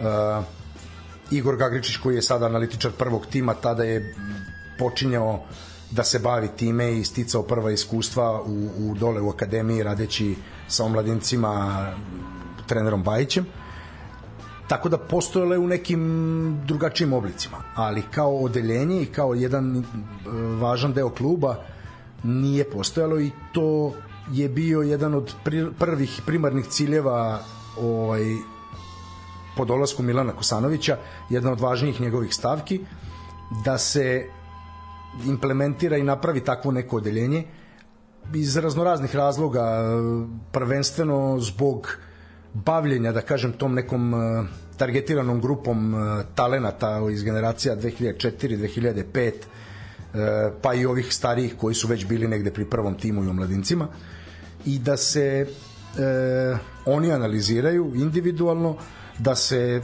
pripremi i organizuje plan rada za njih, dodatni individualni e, rad koji bi mimo rada u, u, u njihovim ekipama podizao njihov individualni kvalitet i da kažemo bio usmeren, usmeren lično na njih. I to je bilo nešto najvažnije jer je u tom momentu prepoznat e, prepoznat da kažemo e, cilj u stvari i pravac u kom je dogovoreno da Vojvodina treba da ide, a to je promocija mladih igrača i proizvodnja mladih igrača i to bogatstvo nepresušno koje Vojvodina ima u svojoj akademiji da bude uobličeno i približeno seniorskom futbolu na pravi način. Prvenstveno iz tog, iz tog, ovaj, iz tog razloga je, je ta priča zaživela. E, selektirali smo neke momke za koje smo mislili da, da mogu time da se bave, da, da su ti profili e, radnika ispostavilo se za neke od njih da nismo u pravu, vrlo brzo su otpali. Oni koji su ostali, prvenstveno Igor Gagričić, Dejan Medić su i dalje tu, razvijaju se, rastu, rade. Vrlo bitno takođe držete podatke i držete informacije u okviru kluba. Novi treneri kada dođu, onako iznenade se nekom količinom informacija koje mogu da dobiju sada već, što je isto vrlo bitno. I ovaj i to je nešto što je počelo i zaživelo tu. Naravno, u celom tom razvojnom procesu uvek može da bude bolje, uvek može da se razvija dalje i negde ja prepoznajem kao svoju obavezu i svoj zadatak da kad god sam tu i kad god sam slobodan posvetim i njima neko vreme e, u dogovoru naravno sa, sa direktorom omladinske škole Duškom Grujićem Evo sad smo upravo doveli neke momke koji su će biti volonteri za neko vreme, proći će neku obuku i gledamo da ta priča nastavi dalje da se razvija.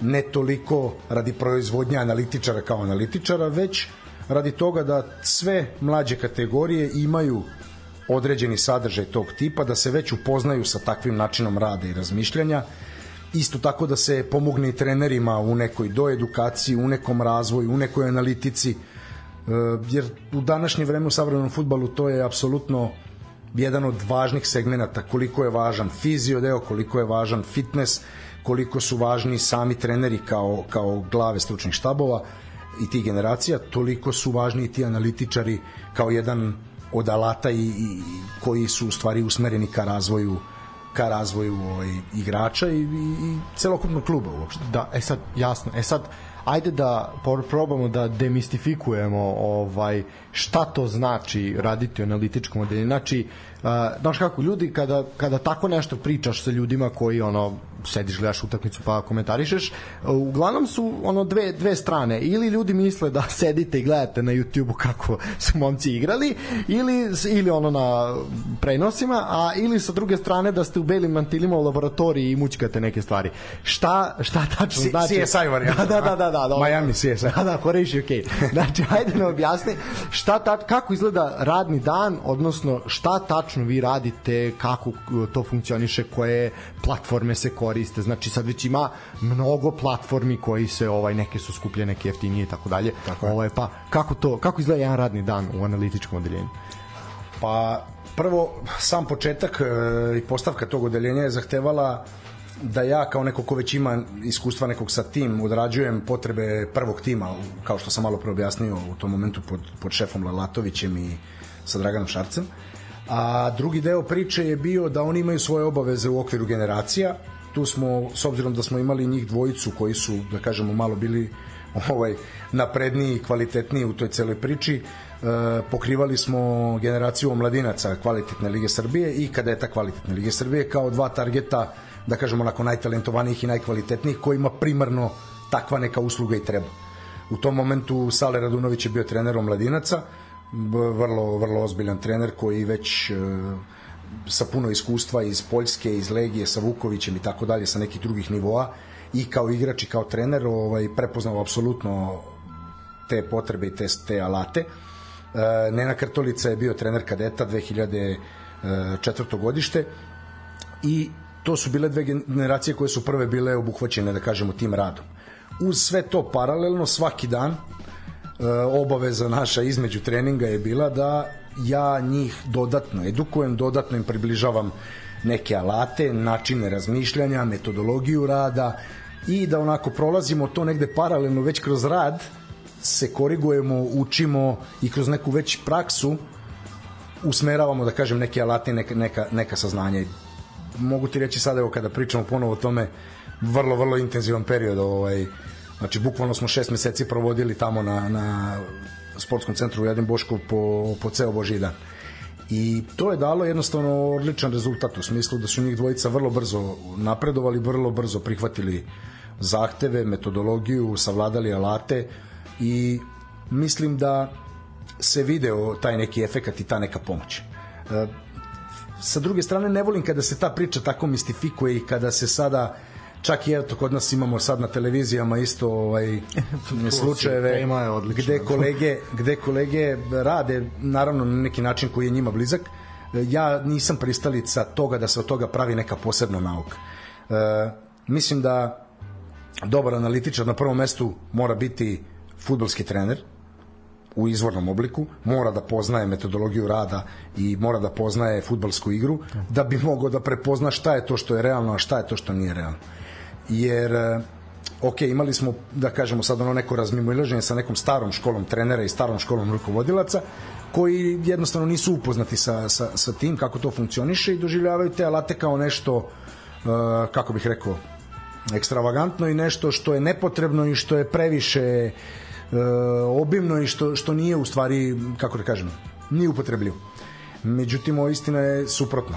A zato isto ne volim sa druge strane kada mi kao analitičari previše potenciramo upravo na svim tim stvarima koje udaljavaju to naše zanimanje od futbala kada damo sebi za pravo da komentarišemo jednog De Bruyne kako nije dobro stao i kako sad to Guardiola nije to ovaj, iskorigovao u toku utakmice, u stvari ne vidimo da tamo iza njega ima 10 analitičara i 7 pomoćnih trenera i da je njihova namera u stvari negde drugačija, da oni sakrivaju nešto kroz te pozicije, ne bili napravili prostore rasterećenja u nekim drugim prostorima i tako dalje. E, na taj način gubimo autoritet kod futbalske javnosti i stvaramo od svog poziva i od svoje funkcije u stručnom štabu i u, i u klubovima u stvari nešto što... Pa činite ne, makar reći uslugu, da, da, tako reći, da. Da, ne činimo uslugu u stvari nikome. No. Uh, suštinski, analitičar treba da bude futbalski trener, koji je usmeren na taktiku, koji poznaje taktiku, koji poznaje taktičke zahteve, koji poznaje e, život jednog trenažnog procesa i koji je sposoban da da kažemo na pravi način prezentuje sve ono što misli da može da bude korisno šefu stručnog štaba i igračima pa ajde u krajnjoj liniji da kažemo i javnosti da. ako je to neka neutralna analiza da kažem nekog tima na televiziji Dobro, kako gledaš? Ajde to je bilo onako dosta i javnost to komentarisala to već na da kažeš na evropskim i svetskim televizijama ti već to imaš godinama Absolutno. i godinama. kod nas je negde to meni bar deluje upalo za oko najviše sada za vreme svetskog prvenstva u Kataru to je onako baš iskočilo i dosta su bili pš, ajde kažem budem blag šarenoliki komentari bili uglavnom su bili loši. Ovaj ajde mi ako možemo da se baziramo na RTS posle to radila i Arena. Ovaj ajde RTS kao ipak naš mnogo više ljudi Srbiji u Srbiji ima RTS nego što ima Arenu. I ono svi su ko je gledao sve nas je zanimalo šta rade naši šta ovo šta ono. I ti si imao tog jednog mlađenog momka koji u lepom modelu izađe i on krene da objašnjava. I mi smo ovde sa našim drugarima ovaj sa Arenine Arena Sport Akademije sadašnjim zaposlenicima ovaj Arene te, televizija Arena Sport. Mi smo pričali na tom načinu kako su oni pristupali njima kako su pristupali običnom gledaocu meni je to da upravo to na što je neka komplikacija to je naš ono uh, delo je da, da se zapravo kako ja vidim taj poziv tog čoveka koji izađe ono u 5 minuta da tu nešto objasni i manje da bi zapravo možda trebalo pojednostaviti da ajde da naučimo narod da naš šta je to fudbal, kako je to borba za prostor, kako je koliko je taj prostor bitan, kako je bitna kretnja, kako je bitna postavka, kako igrač ide kuda ide lopta i tako dalje. Znači šta zašto je tranzicija bitna ovakva onakva. Uh, na, uh, da ipak jer znaš, ono što kažu mi imamo ono koliko imamo 6 miliona stanovnika, znači imamo 6 miliona selektora, zato što ljudi ne znaju o čemu se radi. Obično kada plaču navijači ja dovedite nam ovog igrača, dovedite nam onda taj igrač dođe onda bude katastrofa katastrofa. E, da li misliš da je negde tu naš, ajde da objasnim da ljude edukujemo da bi možda na, ne možemo svi biti analitičari, nemamo svi oko za tako, za takve detalje, naš, dosta od nas, ja prvi biram da je gledam futbol na taj birtijaški način, da sad ja tu uživam u lepoti, u napadima, u borbi i tako dalje. Da li misliš da je cilj, ideja da ipak možda ići u tom smeru, znači ajde da edukujemo ljude da to bude nešto ili da samo sad se pravimo važni pa naš mi smo ovo sve primetili a vi niste pa vidi verujem da sad pričamo o RTS-u i o areni recimo konkretno verujem da oni vrlo dobro znaju da izračunaju i da izmere šta je to što je marketinški e, njima interesantno i šta je to što oni mogu na najbolji način da prodaju. E, doteko sam se malo te teme zato što mi je to onako dobar kontra primer za jednog trenera analitičara kako treba da jer to sa što pričaš ti je priča koja je, ajde da kažemo, malo sa stručnog aspekta banalizovana u smislu da je to neka prezentacija koju treba da gleda neki običan gledalac. I sad kažemo 6 miliona ljudi, 6 miliona selektora, trenera, je li tako? E, ja bih rekao, ne bih rekao ne znaju, rekao bih svako od njih zna na nekom svom nivoju, nekoj, u nekom svom svetu. Kad sumiraš ne znaju.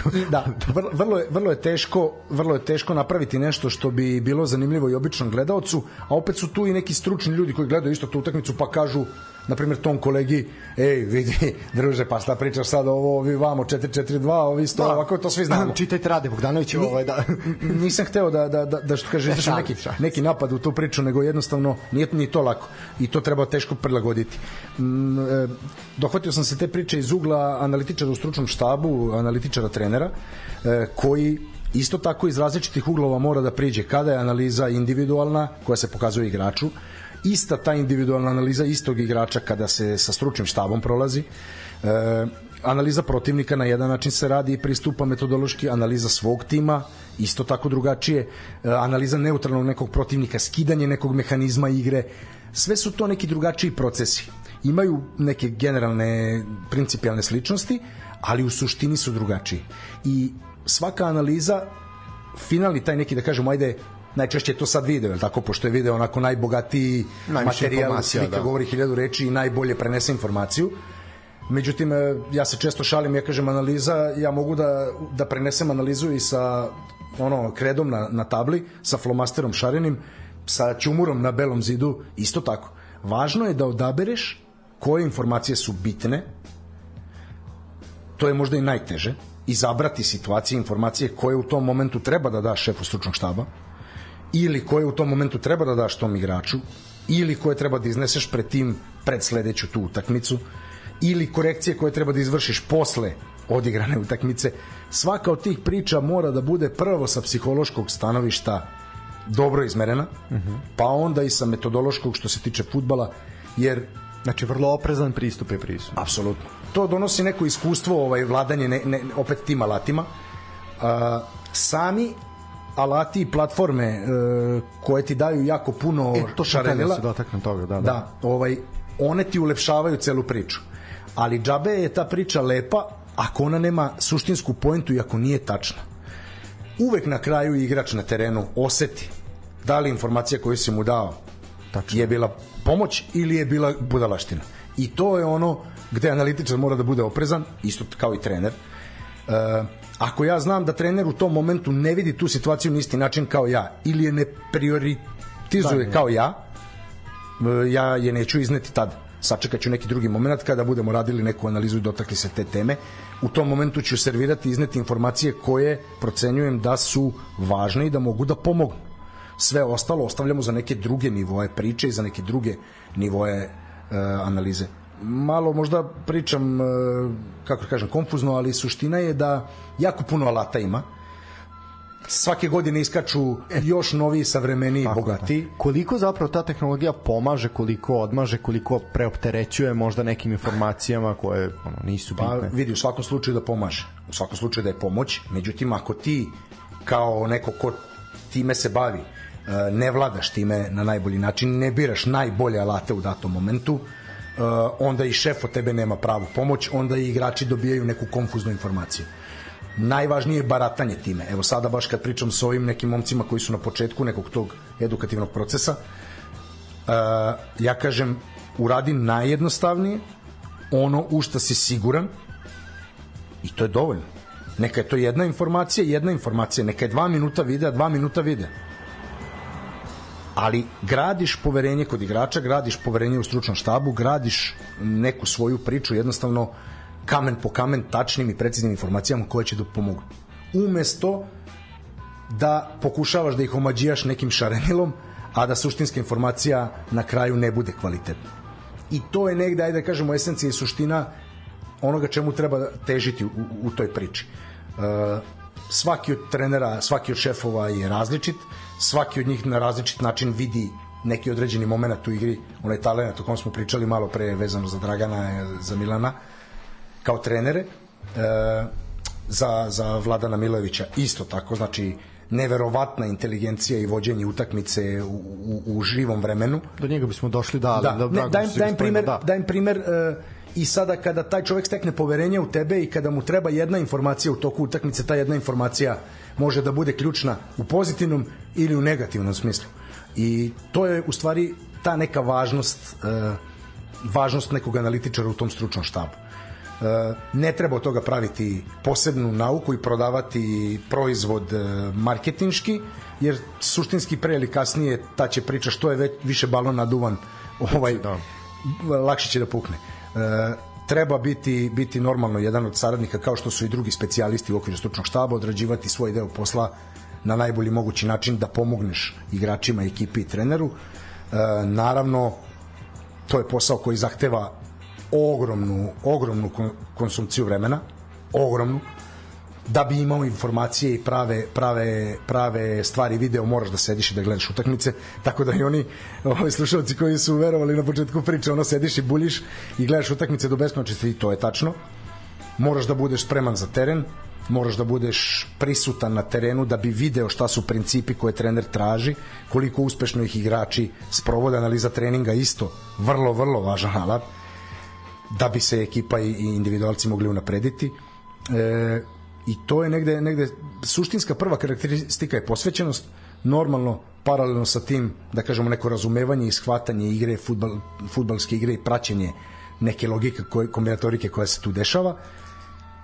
I opet kažem adaptacija nekog karaktera pogotovo za one koji su više zagazili u trenerske vode pa sad treba da se vrate i da se bave ovim nekim delom. Mm, adaptacija karaktera definitivno isto vrlo bitna, znači uklopiti se u stručni štab, prepoznati svoje mesto, momente kad treba da istupiš, kad treba nešto da kažeš, koji su tvoji ovaj delovi da kažemo ili treninga ili analize ili sastanka koji nisu i tako dalje tako dalje tako dalje.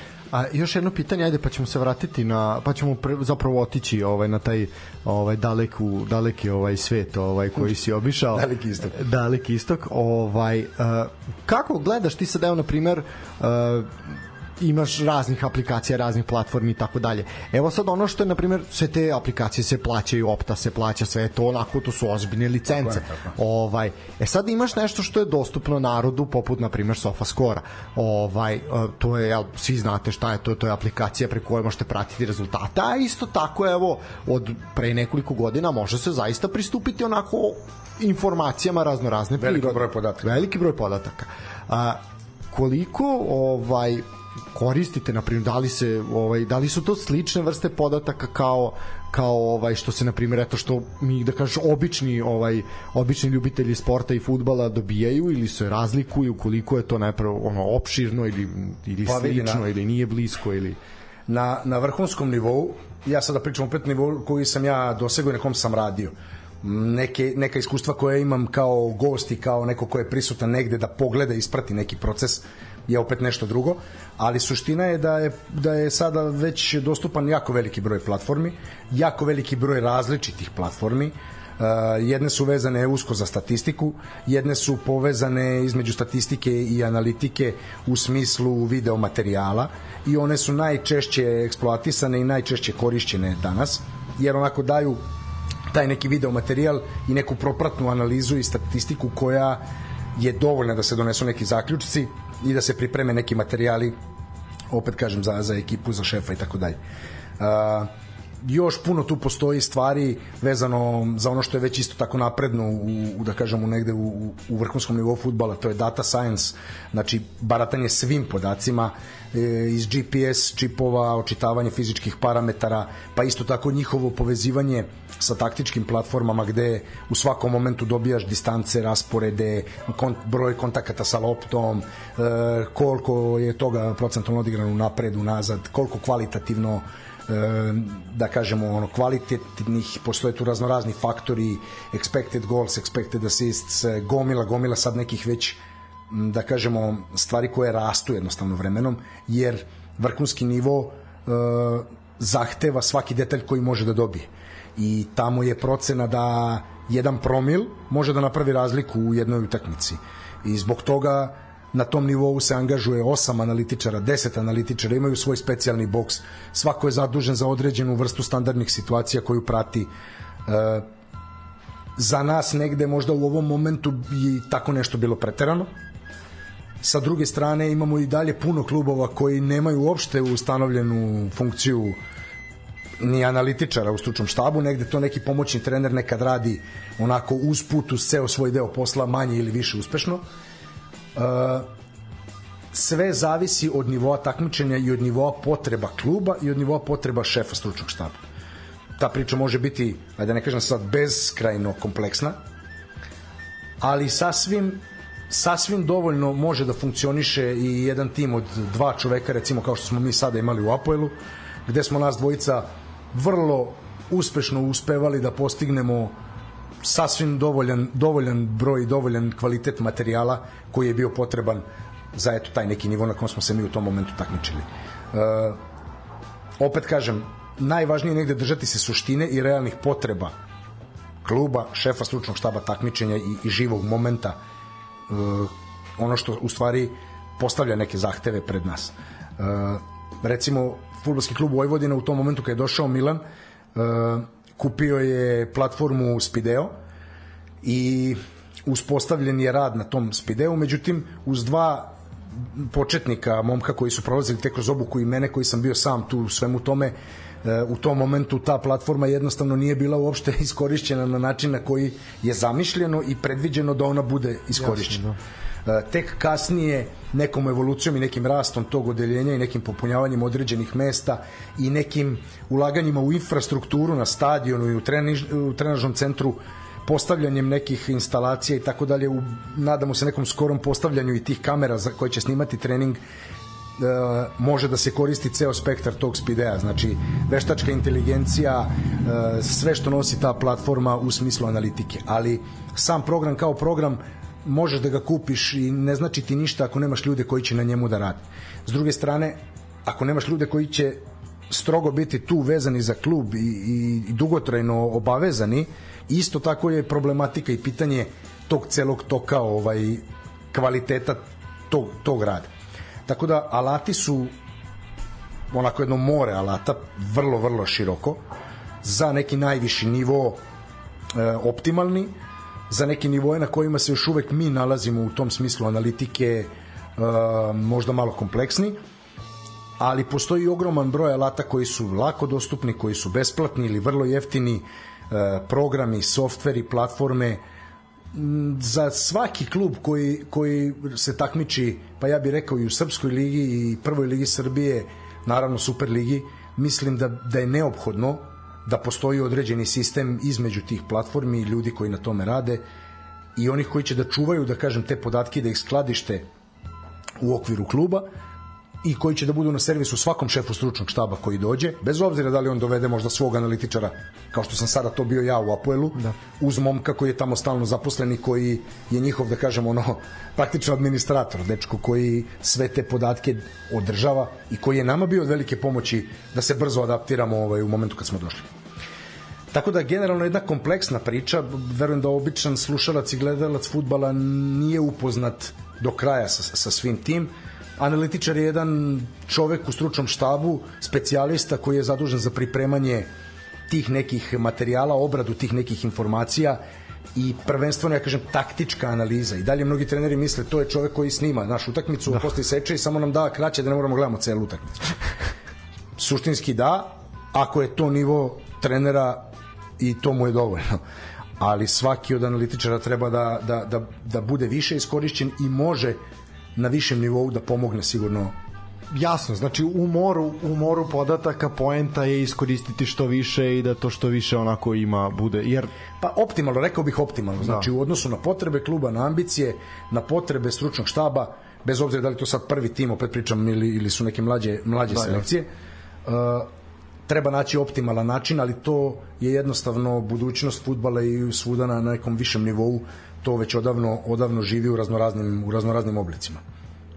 A, ajde sad da se, da se prebacimo ovaj na, na ovoj, kako se zove, dobro, ovo su prijateljske, da, ženska futbolska reprezentacija vodi 3-0 protiv, protiv reprezentacije Slovenije, to je prijateljska utakmica za naše devojke. E sad, uh, ajde malo da pričamo o Tajlandu i o doći ćemo i do Apoela i o Indiji i o svemu. O fudbalskom temu. Fu, pa možemo pričati o fudbalskom, ne. Imali smo prošli ponedeljak smo pričali ovaj o sa Komazicom, sa da. Komazicom kako je njemu bilo na Druge Tajlandu.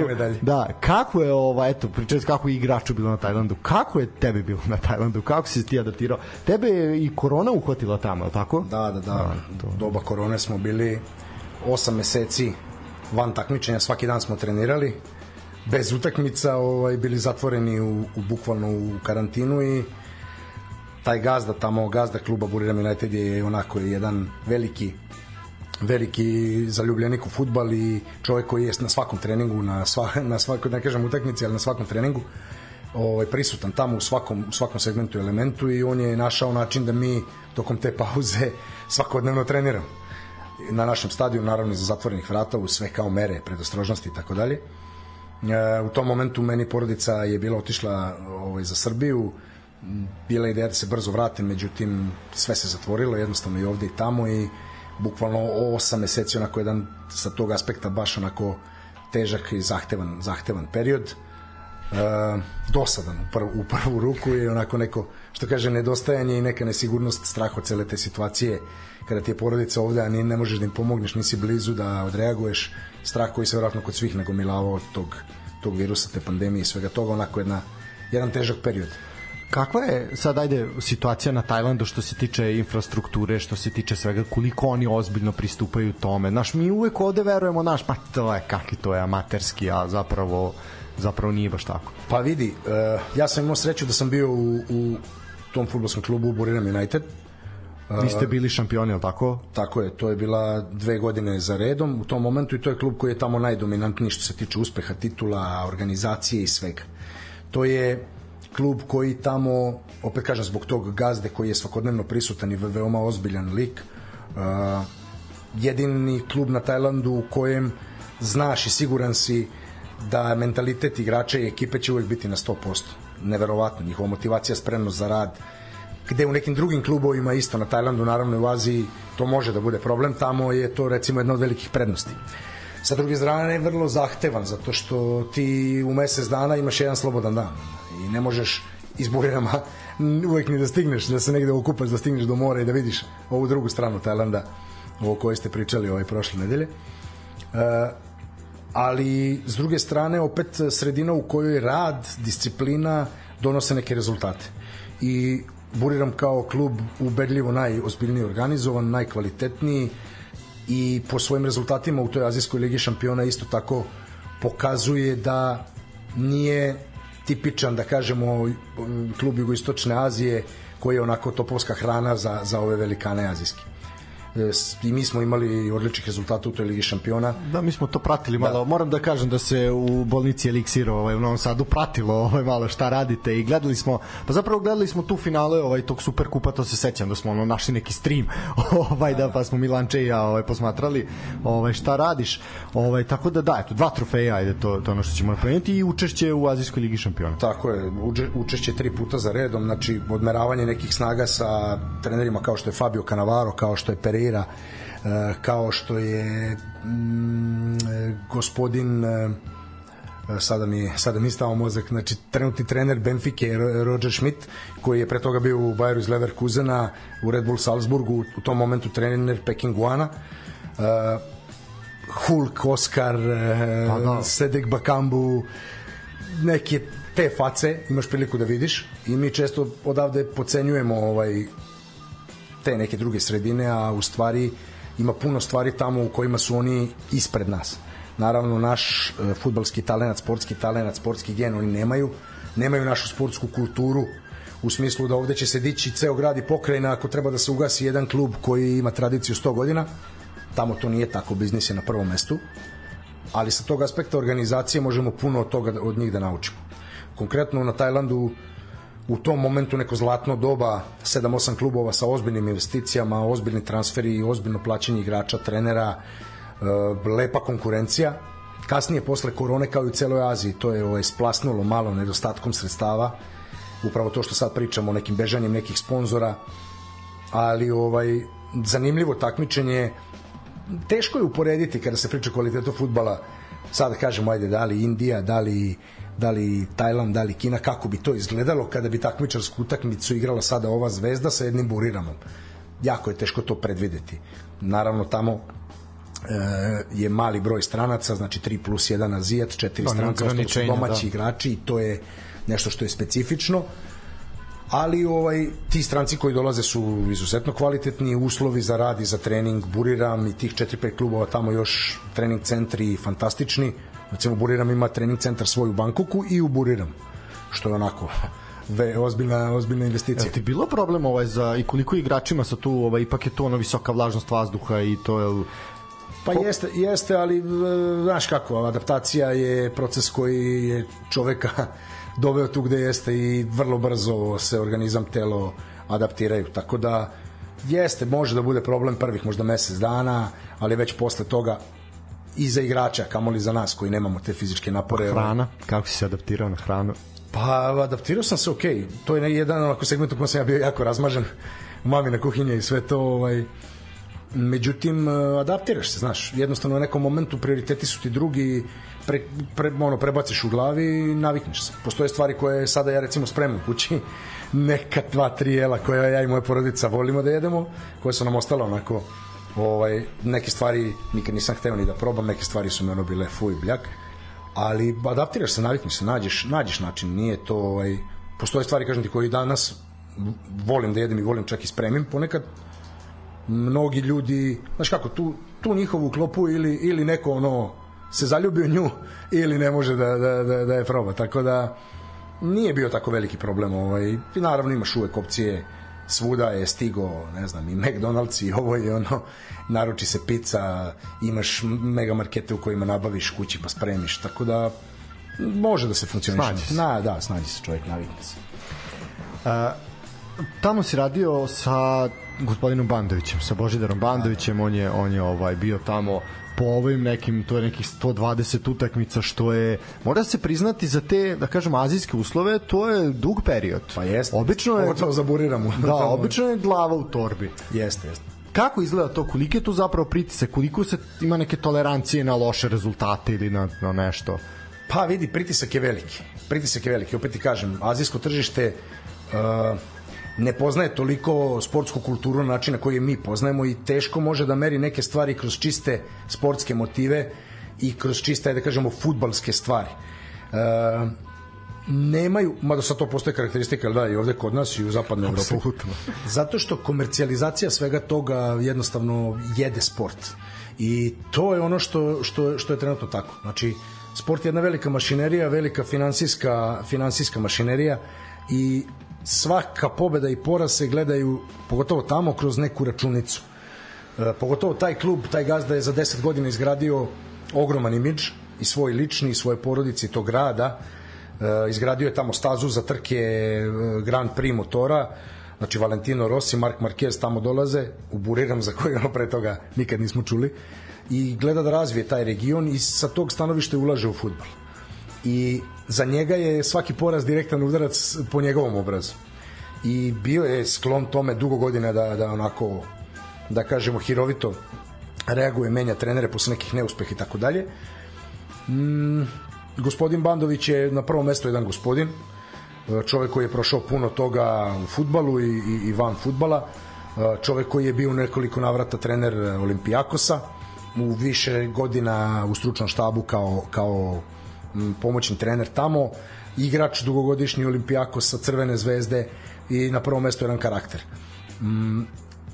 pre toga je on imao kratko iskustvo u Buriramu, vodio je nekih 11 utakmica, 11 pobeda 2014. i smenjen je ovaj, iz nekog banalnog razloga, zato što zabranio igračima da piju kafu onu s mlekom njihovu od litre s ledom i mlekom onu šarenu pre utakmice, što je apsolutno normalno za svakog normalnog, ali njima to se nije svidelo i tako neke stvari pokušavao je u tom momentu da sprovede neke stvari koje su za njega kao profesionalca normalne, a koje na kraju nekog tog perioda njima nisu prijeli. Međutim, njegovu posvećenost i njegov rad su oni ipak prepoznali i nagradili tri godine posle toga, gde su mu 2017. godine ponovo dali ovaj, priliku da, da radi da vodi, da vodi klub.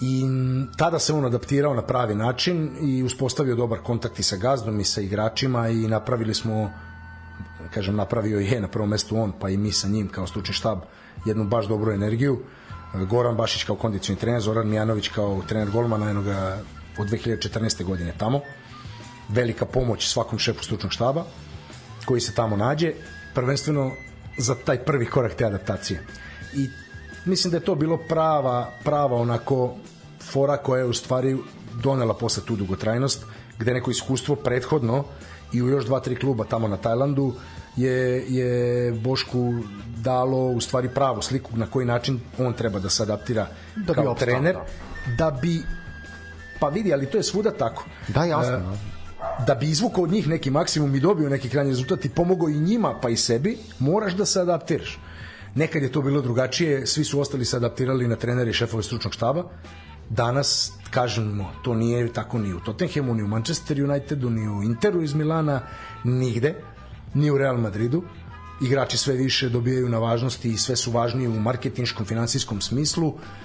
Trener je tu neki izvođač radova koji na prvom mestu mora da bude opet se vraćamo i na one modele kod nas psiholog pa onda tek trener taktičar da bi sve to zajedno dalo neki rezultat i neki, neki, i neki pol, povoljan, ovaj, povoljan efekt. U krajnjoj liniji opet, pogotovo u Aziji, posle nekog vremena brzo im i dosadiš i u sve uspehe i rezultate i pozitivne stvari, ovaj, oni jednostavno to gledaju kao show i njima treba neko osveženje. I to je jedan od razloga zbog čega tamo su smene onako i rotacije česte, da. mnogo češće, ali eto, mi smo uspeli, ja sam bio skoro tri godine, znači Boško još godinu dana, pre toga Baške pola godine, Zoća kažemo 2014. Tako da ovaj ponosni smo onako na taj neki period i rastanak je bio onako dosta emotivan. Prvi put da je taj gazda napravio rastanak recimo za jednog trenera i stručni štab zajedno sa igračima. Uvek je bilo ono posle neke utakmice ili nekog kiksa, pap, dolazi kombi, ideš za Bangkok, letiš sutra kući, dobiješ svoju lovu i sve, ali slobodan si, da te ne vidimo.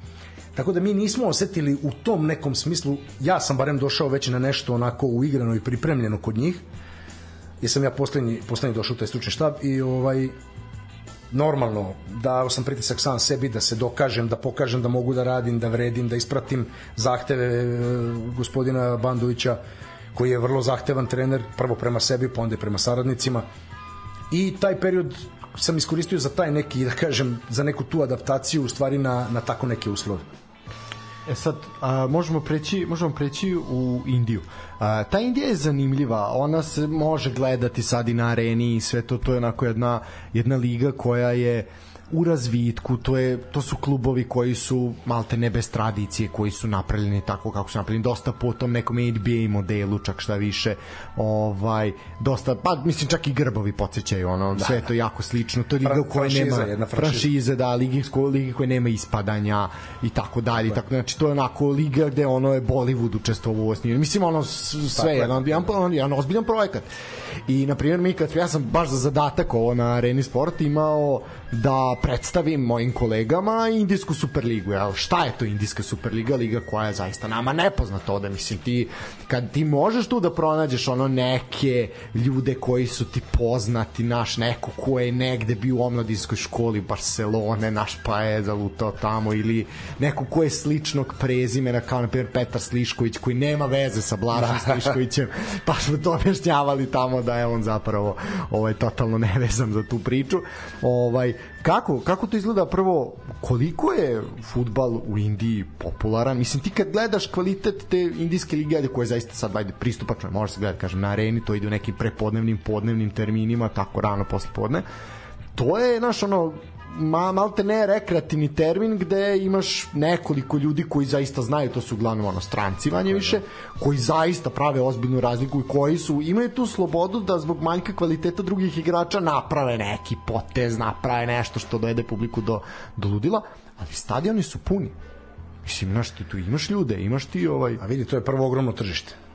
Uh, gledanost futbala je fantastična zato što je to zemlja od ne znam ni ja, 2 milijarde ljudi. Ovaj ono ne znam, milijardu i po po popisima zvaničnim i ovih 500 nisu stigli da, da popišu da, da, 500 miliona. I sa tog aspekta je to tržište vrlo zanimljivo. Jel, e, i da svaki stoti ovaj, se zakači i pogleda utakmicu, to je opet abnormalan broj. U tom smislu da. Međutim, e, u smislu razumevanja futbala, tradicije, mm, suštinskih futbalskih nekih pomaka, to je tržište koje je vrlo, vrlo skromno. E, kao što si rekao, znači, tu su e, velike kompanije, e, kako ih oni to zovu, te neke, neki konglomerati koji su vlasnici klubova, koji se bave svim i svačim, a najmanje ili možda uopšte ne sportom, i oni su vlasnici i investiraju neku, neku svotu i neku sumu. E, mislim da ta liga u zadnjih dve, tri godine, četiri u ozbiljnom opadanju kvaliteta, u samom nekom postanku te, tog ASL-a, zamišljeno kao neke neutralne lige u odnosu na futbalski savez i na ministarstvo sporta, e, Ovo je jako dobro što si rekao, kod njih je ministarstvo sporta jako bitno za organizaciju lige. To, Slično to, kao u arapskim zemljama. Da, uh, ajde sad preporuka za ovo, imate u podcast inkubatoru bio je Romeo Jozak, uh, čovjek koji je bio direktor uh, omladinske škole Dinama iz Zagreba i on je jako lepo objasnio koliko je ministarstvo sporta bitno Tako. za organizaciju fudbalskih takmičenja. Evo sad izvoli, ovo je Ne samo fudbalskog, nego, nego celokupnog, svakog sporta. Da, a sad pričamo, da, da. E, da, tamo, je, tamo su te franšize, oni imaju neku svoju finansijsku računicu i oni to mere kroz neke marketinške njihove merne jedinice. E, taj ugovor koji su oni napravili višegodišnji sad je negde bliži se kraju. E, korona je takođe ostavila neki efekat i sada kada ti uzmeš da pogledaš i analiziraš takmičenje klubove i igrače, trenere i to to je na mnogo nižem nivou nego što je bilo recimo pre 7-8 godina kada je to počelo i pravilo zamah. Tada je jedan Eh, Anjelka, David jedan Materaci, David Rezege, gomila, gomila poznatih faca odlazila tamo kao što se sada dešava, ajde kažemo u Saudijskoj Arabiji, ne baš, e, ne baš sam, na tolkom nivou. To sam htio da te pitam, da li misliš da je to što je sad Saudijska Arabija da je to negde, meni to delo je to ono što su oni hteli, to ono što je Indija htela, a ipak im je izostalo zbog nekih situacija. E, ja sam, recimo, imao iskustvo godinu dana sam bio u Emiratima, nisam bio u Saudijskoj Arabiji, ali ovaj arapski svet je mnogo u sportskom smislu napredniji u odnosu na Indiju. Uh -huh. I to je ogromna razlika. E, čak i što se tiče futbala, jednostavno imaju kako da kažem, tu vezu neku i konekciju sa sportom i sa futbalom, za razliku od indijskog sveta. E, Dobro, imaju... Indiji je primarni sport kriket, mislim. Apsolutno, da, kriket rugby, na, na, na, na mestu broj 1. A, ali opet kažem futbal kao nešto mlado što se tek pojavilo za šta nema puno puno ovaj razumevanja. S druge strane, arapski način edukacije e, ti egipćani koji su donosili e, edukaciju, školu, obrazovanje i paralelno sa tim i fizičku kulturu u te zemlje arapske su napravili korene i postulate nekog, da kažem, sportskog razmišljanja i sportske kulture u tim zemljama. Što u Indiji nije slučaj kod njih e, fizičko vaspitanje u školama je totalno neobavezno. U mnogim školama i ne postoji ili je neki freestyle ili nije ni uračunato u raspore časova, niti, post, niti imaju profesore fizičkog u većini škola. I kada pričaš s njima sa tog aspekta, pff, najlaziš onako na jednu veliku jamu, rupu, razliku da ne, ne, oni ne mogu da shvate i da razumeju to o čemu ti pričaš. Zašto je važno da sad i ovaj igrač odigra 10 minuta ili zašto je, ne znam, važno sad u ovom treningu da to bude tako zašto je važno ishrana, zašto je važan oporavak, zašto su važne sve te neke stvari. Iz tog aspekta teško je onda u Indiji implementirati sve te neke stvari. Arapski svet je iz tog aspekta totalno drugačiji. Sportska kultura kod njih postoji razvijena na jednom korektnom nivou u odnosu na na priču recimo konkretno u Indiji. I mislim da ova priča sa Saudijskom Arabijom vidi, oni jako dugo već ulažu u, u, u, u svoj u Sad svoj je to samo eksplodiralo, fudbal. da. Sad je u jednom momentu eksplodiralo, sigurno je da oni znaju zbog čega i kako ulažu toliki Šta novac u misliš to. da je šta misliš da je cilj? Pa vidi, ne bih ulazio sad u neke teorije Da li misliš da je, ne mislim, ne, Ne, mislim, da, da li misliš da je cilj da se, pošto sad imamo to svetsko klubsko prvenstvo koje će se odigrati u, na teritoriji Sjednih američkih država, 32 kluba, a, eto, mnogi koji dovode te zvučne imena, na primjer, eto sad ekipa za koju je potpisao Sergij Milinković Savić, je tamo već uh, učesnik tog svetskog klubskog prvenstva. Da li misliš da je tu negde poenta da žele da ostvare neki rezultat? Šta, je, šta misliš da je negde motiv inicijalni? Vidi, Privlačenje neke pažnje, šta? Ge, generalno kad se kad što se tiče Arapa, kod njih je ovo teško uvek provaliti pravi motiv. I oni imaju neke svoje računice, neke svoje razmišljanja. E, verujem da su da je to odluka da kažemo nekog ono malog broja ljudi koji generalno rukovode tamo državom pa i futbalom i, i, i celom tom pričom. E, sigurno je da oni znaju šta sve pozitivno od toga dobijaju. Dobijaju pozitivan marketing što Saudijska Arabija kao država definitivno Nema. nema. Nema, da. E, dobijaju možda i neko potencijalno kandidaturu za, za sutra možda neko veliko takmičenje. Videli su šta je Katar dobio svim tim, da. To je kod njih velika stvar, to njihovo međusobno takmičenje i upoređivanje naš jednih sa drugima i sigurno da kada su gledali svetsko prvenstvo u Kataru su bili malo ovaj malo i ljubomorni. Pogotovo što je Katar mnogo manji, pa mislim, oni Da, su rivalske je, nacije, je. da. Sigurno to, s druge strane verovatno prepoznaju i neki interes u tome koji nosi generalno uopšte razvoj razvoj fudbala i razvoj celog tog našeg sporta. Tako da siguran sam da oni da oni imaju i mislim da je to dobro, znaš. U krajnjoj liniji niko tebe ne tera da ti potpišeš za 200 miliona i da odeš u Saudijsku Arabiju da igraš. Jel tako? Znači, s druge strane, e, verujem da dolazak tih igrača i dolazak tih trenera će unaprediti još jedno tržište futbala i da je to generalno za razvoj futbala dobro, da što više tržišta i što veća pokrivenost je razvijenim futbalskim zemljama.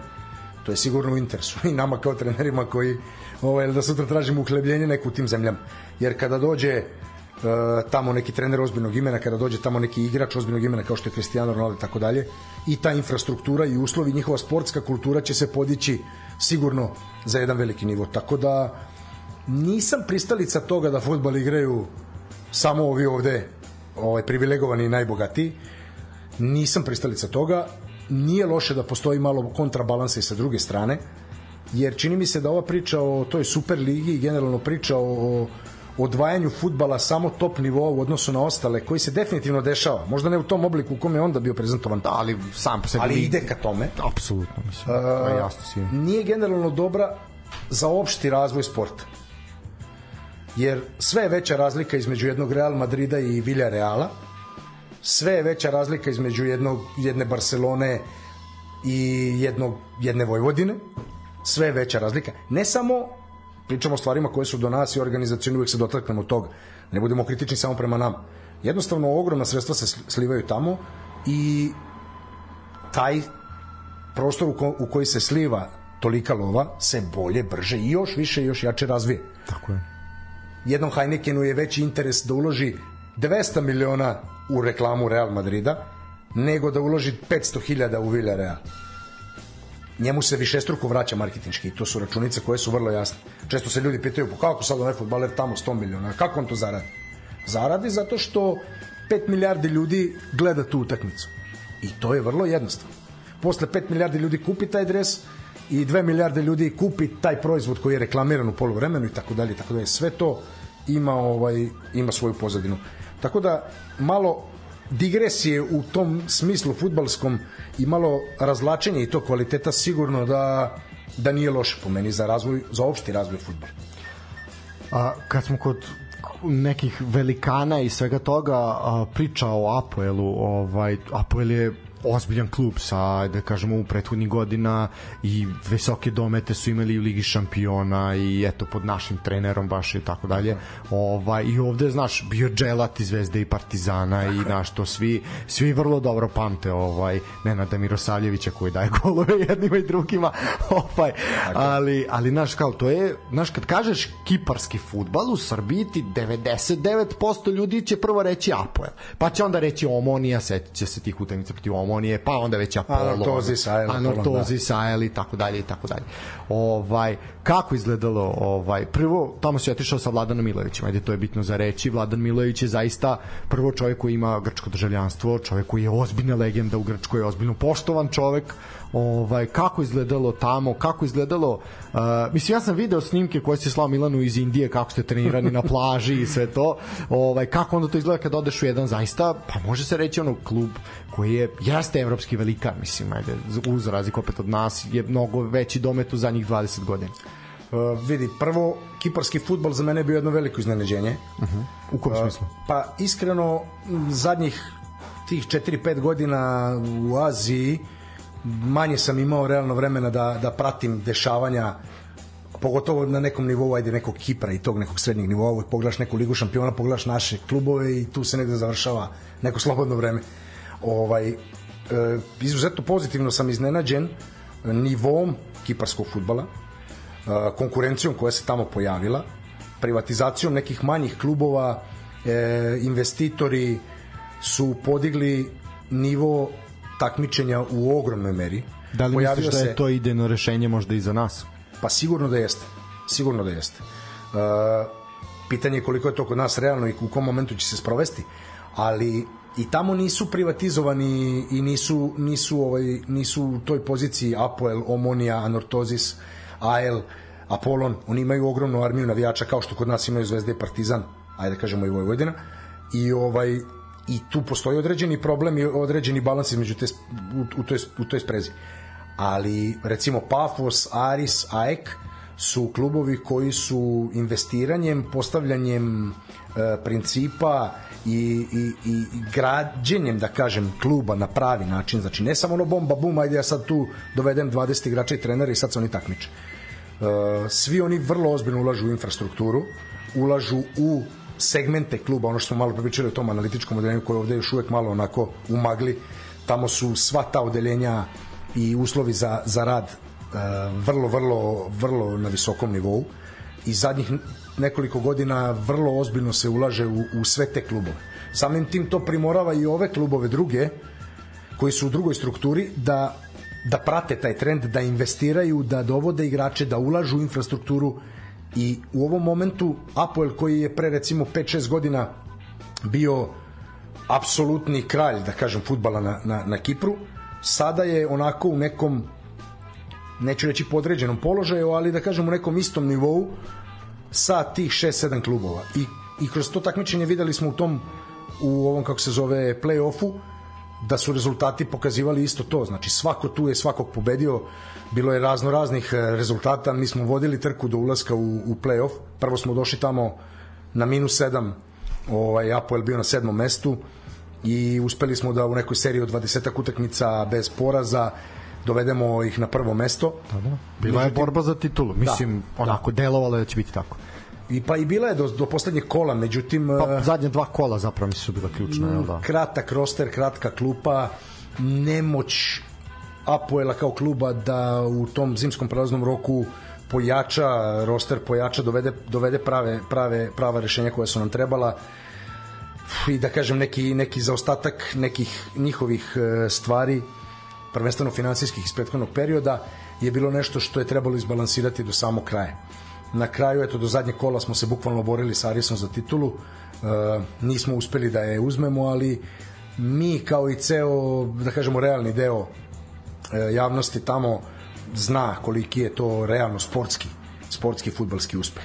Uh, Apoel kao, kao legendarni klub tamo i legenda je i, i nadimak kluba ovaj, na grčkom tako ga zovu, e, zadnjih par godina u organizacionom padu, u finansijskom e, padu, nisu uzeli titulu već četvrtu godinu za redom, nisu učestvovali u grupnim fazama već neko vreme duže i samim tim finansijski jednostavno iscrpljeni. Dok ovi drugi klubovi konkurenti kao što smo rekli Anortozis je bio da i ovi Anortozis su bili. je da sada su u vrlo sličnoj situaciji Omonija, Apoel, Anortozis, Apolon. Pitanje je momenta kako će koja ekipa da odigra u nekom, u nekom periodu vremena, pa da skupi nešto bodova. Ali suštinski, mislim da sve teže pariraju u ovim klubovima koji imaju postavljenu organizaciju i finansijsku i, i strukturalnu i na taj način, da kažemo, zdravo funkcionišu. Uh, ovo je sve još uvek na nekoj bazi snalaženja od jednog prelaznog roka do drugog, nekih zaduživanja, nekih repova koji se vuku i sa tog aspekta onako kao i kod nas u većini klubova neka nejasna priča za budućnost šta će biti za godinu, dve ili tri. Ali publika, identitet kluba gde god se pojaviš, uh, fantastična, fantastična stvar, fantastična priča. Ja nisam imao prilike to da osetim ovde, naravno šef Milojević i Nebojša Milošević uh, kao, kao asistent Ivan Vučetić kao kondicioni trener, uh, oni su u Zvezdi i kroz Zvezdu imali to iskustvo i šta znači tako veliki klub. Za mene prvi put to bio susret na taj način u evropskim okvirima i onako bio sam fasciniran time i to je jedna ta lepa težina koju taj klub nosi. Ogromnu podršku smo imali, Milojevićevo ime se pevalo svaku utakmicu tamo sa tribine i neka lepa veza i sa igračima i sa zaposlenima, sa njihovim ljudima tamo u stafu, sa igračima, sa navijačima, sa svima, znači stvarno onako jedna lepa emocija. Nažalost, na kraju nije ispraćena ovaj titulom, međutim, onako nema nikakvih uh, nikakvih, e, nikakav žal za tim ne ostaje preveliki zato što stvarno jedna onako lepih devet meseci i lep, lep period e, rada tamo. Opet kažem za mene veliko iskustvo sa, sa šefom Milojevićem, sa Nebojšom Miloševićem saradnja. Opet ono dobiješ priliku da na nekom višem nivou sa nekim ljudima prođeš kroz neke stvari i da potvrdiš neka svoje razmišljanja, svoju neku vrednost da budeš neko ko možda tu može da njima pomogne, da s njima sarađuje i od njih da uči i za mene generalno i za moju porodicu sjajno, sjajno iskustvo, bez obzira na, na taj, kažemo, malo gorčinu. Ovaj. Kakva je razlika to sad otišao si iz, ono da kaže, jedne od najmnogoljudnijih zemalja na svetu kao što je Indija, gde ste na gostovanje išli avionom, gde je to, ono, sve to su udaljenosti i onda dolazite na Kipar gde je realno, samo koliko sam ja shvatio, samo jedno gostovanje se da. ide avionom, ovo sve ostalo. Vidi, mogu ti reći mnogo, mnogo prijatnija situacija. U Indiji smo imali organizaciju tog nekog, e, zbog korone i svega, bili smo u nekom, kako oni to zovu, bubble, u nekoj izolaciji gde smo i putovali na treninge i na utakmice vraćali se u isti hotel. I nije bilo puno nešto ovaj, obilazaka i nekog turizma i nisam realno ni video puno toga mimo tih stadiona kojima smo igrali i, i ovih trening centara. A na Tajlandu druga priča za tri godine Buriran koji je 500 km daleko od Bankoka svaka utakmica je tri dana tamo tri dana nazad. Liga šampiona paralelno Liga i Liga kup znači mnogo utakmica mnogo putovanja letenja zujenja ovde mi je to baš i prijalo, mogu ti reći. E, sve je blizu, putuje se pola sata, 45 minuta, sat vremena na utakmicu, na dan utakmice. Evo šta je klasičan novoseđan, da. samo neke blizu. Jeste, jeste. Vidi, s tog aspekta svima nam je ta priča mnogo, mnogo prijala.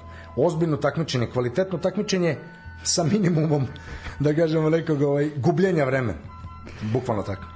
Da, a ovaj sad da malo kažeš Indije nisi mnogo video i sve to.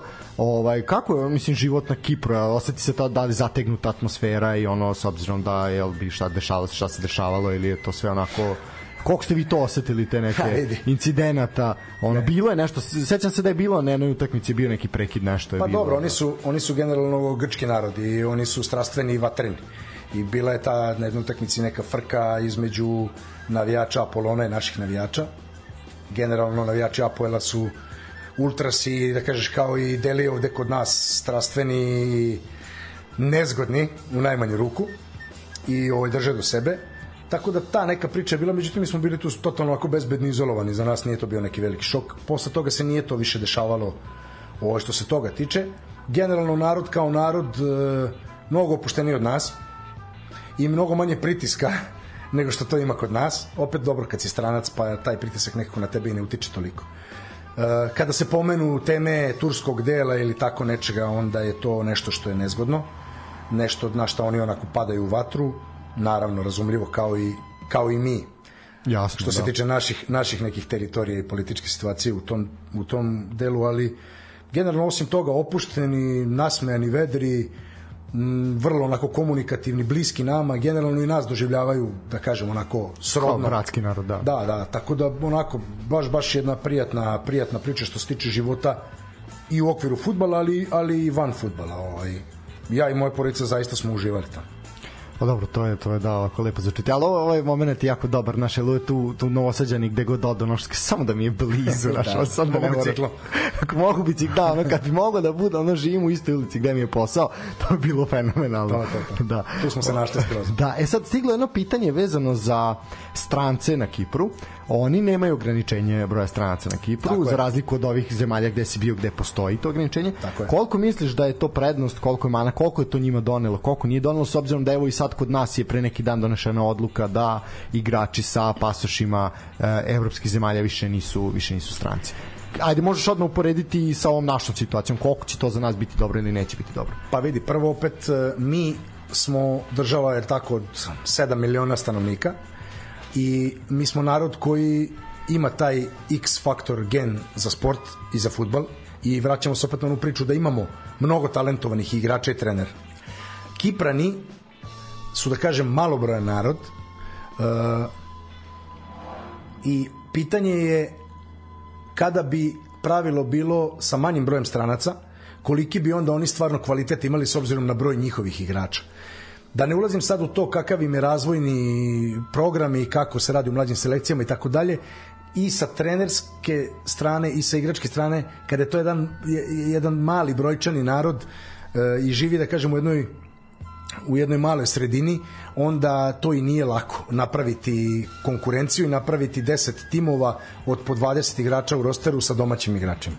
Oni su to prepoznali pametno, uh, odigrali su na kartu stranaca i podigli su nivo svog futbala drastično. Njihov narod uživa u tome, dolazi na stadione, ulaže se u stadione infrastrukturu, uh, TV prenosi su gledani, znači liga je jako zanimljiva. Oni su sa tog aspekta izračunali da više dobijaju nego što gube. Kod nas mislim da je drugačija situacija. Mi smo narod koji ima talenat, jednostavno mislim da nam nedostaje prava, tačna i definisana strategija u tom smislu. Naravno da kvalitetni stranci podižu nivo futbala i pomažu mladim igračima da se razvijaju, ali ako ti imaš pravilo o neograničenom broju stranaca i imaš e, pravilo recimo dva bonus igrača, gde će da igra srpski igrač sa 22 godine, sa 23, 24, 25 godina, 28 godina? Gde on treba da igra? Gde će on da se razvije? Ne, ne mogu svi da se razviju do svog maksimuma u 22-3 godine mi treba da odredimo strategiju da li smo mi razvojna liga, u što ja duboko verujem, i razvijamo talente i pripremamo ih za neki među nivo da ih kupuju od nas neki inostrani klubovi koji će ih dalje razvijati i prodavati na top nivo uz normalno pojedine primere koji su odmah možda spremni talentom za to da mi budemo možda taj među nivo u narednih 5-10 godina koji će čak i dovoditi neke mlade strance pa ih afirmisati ali to sve mora da, da, da, da bude neki proces i mora da bude stabilno, isplanirano i ispraćeno. Ne verujem da i iskreno kao neko ko se uvek smatrao nekim razvojnim trenerom i u tom pravcu razmišljao ne verujem i ne sviđa mi se to da u Srbiji bude neograničeni broj stranaca i da može da bude na ekipi 7, 8, 10 stranaca. E, mislim da to ugrožava razvoj naših igrača. Slažem se. Da to na, na globalnom planu ugrožava kvalitet i razvoj naše reprezentacije i zavisimo od budžeta koji ćemo uliti da platimo neke strance da tu igraju i da nas trenutno zabavljaju. Koliko će to doneti našem razvoju, nisam baš siguran i ne, ne verujem da je to pravi ispravan put.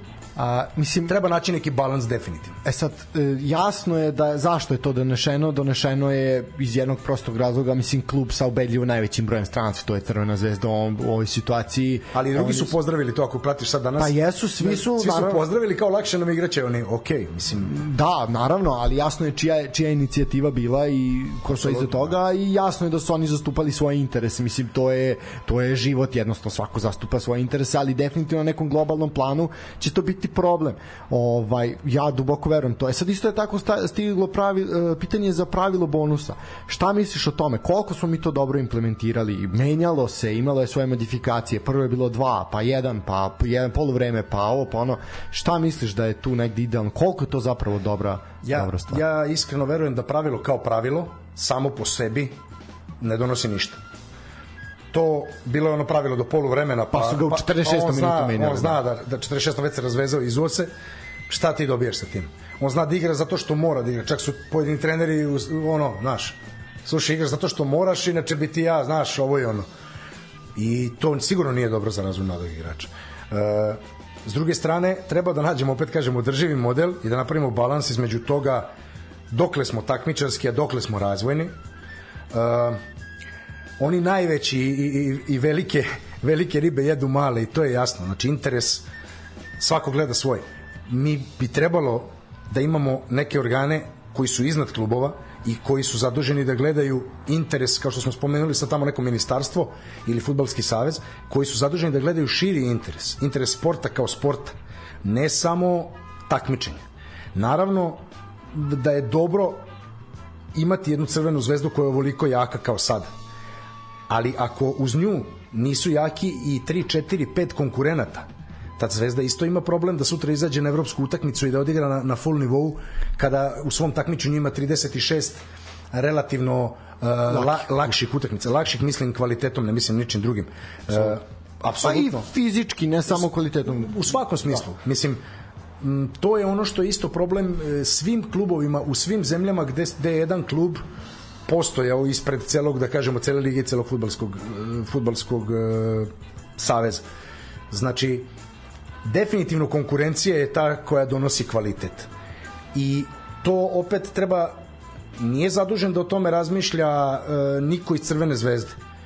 Zadužen je da razmišlja neko ko je u Futbolskom savezu, neko ko je u Ministarstvu sporta, neko ko ima obavezu da isprati interes sporta i društva. Normalno da futbolski klub Crvena zvezda gleda svoj interes, normalno da futbolski klub Partizan gleda svoj interes, Vojvodina svoj i svako svoj u toj priči.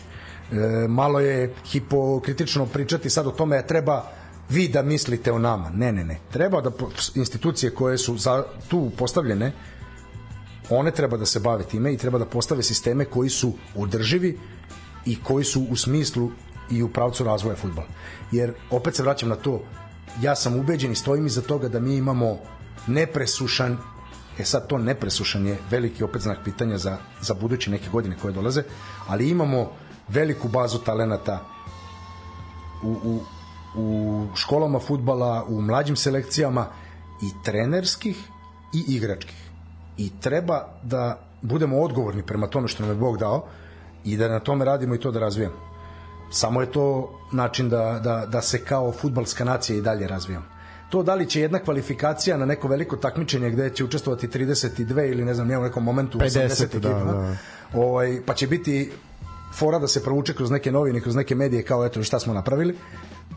Ja, to je kratak, kratak uh, fitilj i to mora da bude možda pokretač jedan prvi korak ka nekim pozitivnim promenama i verujem da će doći vreme kada će se to prepoznati i kada će ta priča dobiti na važnosti, kada će ljudi na, u tim institucijama biti oni koji, koji žive za, za razvoj toga i za, te, za ta načela duboko verujem u to i, i na taj način razmišljam i radim i pristupam svojim obavezama svaki dan. Tako a da. kaži mi kako sad, evo okay, da kažemo jedna velika stvar se dešava ove sezone, a to je da se me, postavljaju hibridni tereni, da je to nešto što onako što je u Evropi postalo normalno, eto sad to kod nas dolazi ove sezone i sad imamo taj problem da ljudi ne znaju gde će igrati, da ono sad čukarički licitira vamo tamo, mislim svašta se tu nešto dešava, to pola će čas igrati, neće igrati, ovi stadioni dole što su napravljeni i tako dalje.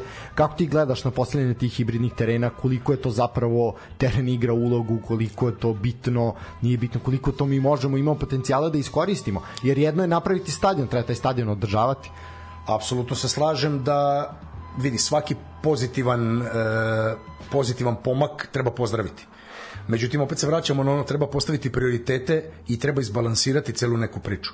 E, siguran sam u to da nam treba više trenažnih centara, da nam treba terena za trening i za razvoj, opet se vraćam, mladih, ali i seniorskih timova.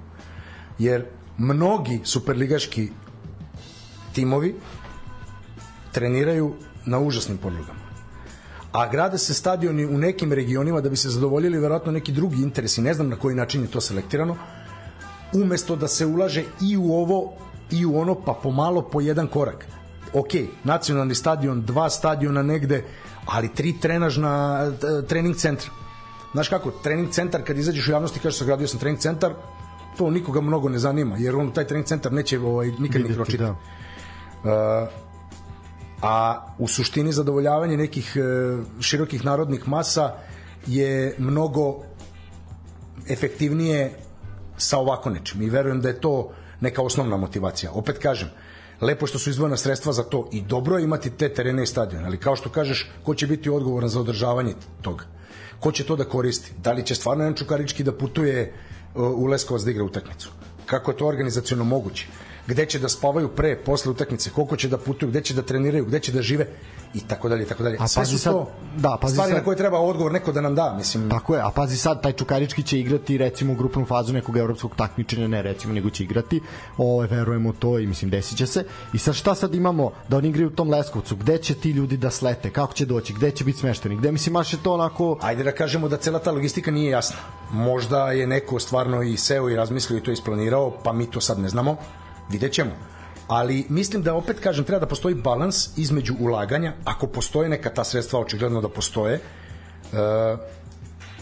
nisam ja taj koji treba da ih raspoređuje i o tome da, da razmišlja, ali čini mi se da su otišla mnogo samo u jednom pravcu, mnogo su važne trenažne podloge gde se obučavaju igrači, gde treniraju pred utakmicu. Važan je stadion i teren, ali imamo gomilu tih takmičenja, pa eto, i ta, ta liga indijska, bez obzira koliko je koliko je kvalitativno ili nekako mi degradiramo, ali su se odigralo celo takmičenje na četiri stadiona. Znači dovoljna su u državi četiri stadiona. Da li nam je potrebno 16, 17, 20 superligaša?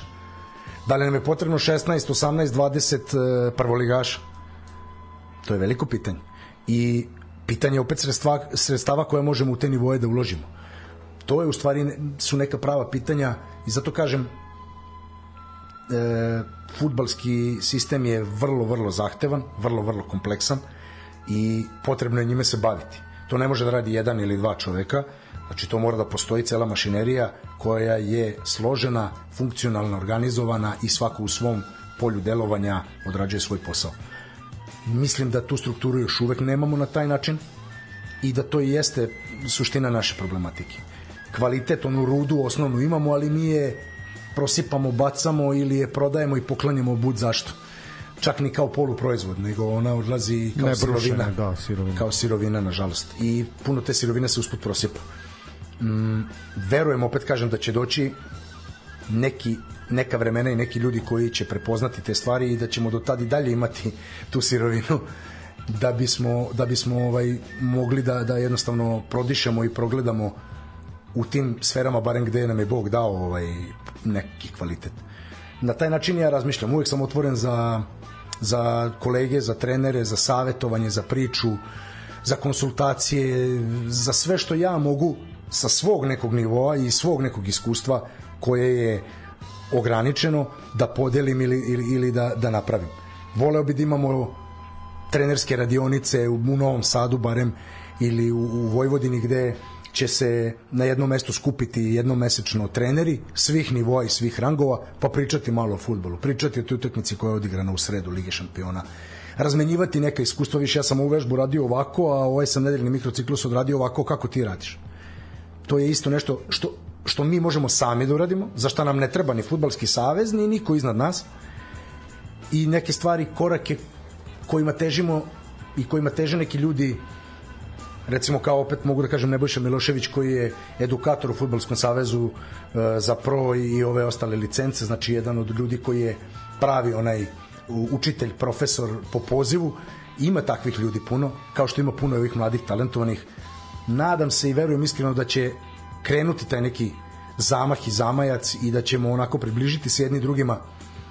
Pa barem po ugledu recimo na košarkaški esnaf trenerski koji je eto već decenijama unazad jedni druge podržavaju, drže se zajedno, dele iskustva i rastu. I zato nam je i košarka uvek bila i, i, i, i dan danas je takmičarski daleko iznad, iznad futbala. A kada bismo uporedili sume i novac koji ulažemo Apsolutno. u taj sport u odnosu na ovaj, e, enormna razlika. Ne mislim možda o zadnjih 2-3 godine i o hibridnim nekim investicijama koje se dešavaju u Partizanu i Zvezdi, što je opet dobar pomak za popularizaciju toga mislim prvenstveno sa aspekta struke, sa aspekta toga da mi kao treneri i kao, kao ajde da kažem, radnici u futbalu treba da se držimo zajedno, više se okrenemo jedni drugima i da budemo otvoreni za, za komunikaciju, saradnju, priču i da ćemo na taj način mi sami sebi da pomognemo i da, i da napredujemo. Ajde sad ukratko, pošto smo ovaj, pred kraj, pred kraj ovaj, ne bih te zadržavao više, onako dva, dva i nešto sata već pričam. Ajde samo ukratko, ovaj, počele su kvalifikacije za evropska takmičenja, ovaj, uskoro će i naši predstavnici na teren, ajde osim Crvene zvezde koja je direktno u grupnoj fazi Lige šampiona. Ovaj, šta su tvoja neka mišljenja, ajde za kraj ćemo ostaviti Vojvodinu, ovaj, šta su tvoja neka mišljenja, ko tu može, koliko s obzirom na prelazni rok koji je urađen, TSC ima fantastičan, na primjer, prelazni rok, zaista dobre igrače su doveli onako mislim da su se kvalitetno pojačali, lepo su i zaradili, mislim ono što je bilo evidentno da će Petar Ratkov otići za lepu svotu novca i tako dalje i tako dalje. Ovaj šta ti misliš, ovaj kakvi su realni dometi, koliko mi tu klubova možemo imati u Evropi, koliko tu klubova može opstati u toj Evropi da ne bude, mislim opstati u smislu da pokaže nešto u toj Evropi da nije ono čisto napucavanje da bude 0-0-6 i ono neka gol gol razlika nerealna ovaj s obzirom da ćemo imati jel predstavnike ovaj direktne čak koji su sigurni u grupnim fazama, ne direktni, ali sigurni u grupnoj fazi. Pa vidi, uh, kvalifikacije na bazi dve utakmice kući i na strani uvek daju prostor za da kažemo kvalitetniji tim da napravi da napravi rezultat i prolazak dalje. Uh, mislim da u ovom momentu svi imaju neke šanse što se tiče prolaska u ovaj prvi krug. Dobro je što je napravljeno još to jedno takmičenje Liga konferencije koja je možda u ovom momentu za sve naše klubove, ajde da kažem, osim Zvezde, najrealnije ovaj takmičenje. Apsolutno, apsolutno. I kada pogledaš te, te protivnike potencijalne i žreb mogući koji može da se desi, uh, postoje šanse. Problem je što mi m, nemamo realnu sliku o drugim nivoima i drugim klubovima i drugim državama, drugim ekipama i onda nam to deluje malo abstraktno kada dođe do, do, do tog žreba. Uh, verujem da ovaj prvi krug uh, mogu, mogu da prođu svi i puno zavisi dalje od žreba. To je jednostavno, mislim da postoji sigurno polovina potencijalnih klubova u žrebu s kojima možemo takmičarski da se nosimo mislim na, na sve i na Vojvodinu i na, i na TSC i na Čukarički naravno ovaj Zvezda je tu direktno, direktno kvalifikovana e, sve zavisi od takmičarskog momenta u kojem će uspeti klubovi da se nađu.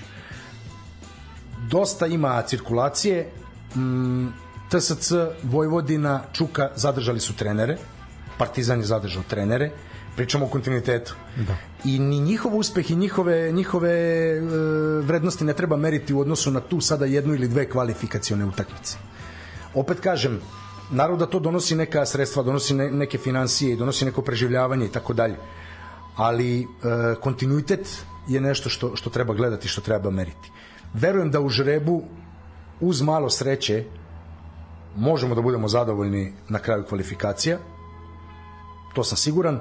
E sad, opet u grupama primećujemo ogromnu razliku da. top nivoa, čak i kluba koji dolaze u Conference ligu iz Premier lige, iz top 5 liga, to je ogromno. Pa vidite, kad si video ko su bili polufinalisti uh, Conference lige, to su ozbiljne ekipe. Tako je, pa evo taj Ajk iz Larnake, recimo, s kojim smo mi tamo odigrali četiri utakmice, s kojim je Vojvodina igrala pre neki dan sa svojim B timom protiv najjačeg sastava, 0-0, i opet komentari, zašto opet nerešeno, oni ne znaju s kim su igrali. Da. To je ekipa od legija stranaca, sistem koji je namešten već 4-5 godina selekcijom i sve ostalo trener koji to, pravi sistem koliko se Partizan namučio sa njima to gledali smo spacili su Partizan. Znači to to samo govori o sebi. Uh, hoću da kažem i često nek, nekad smo nerealni u proceni tih protivnika i naših nekih realnih stanja.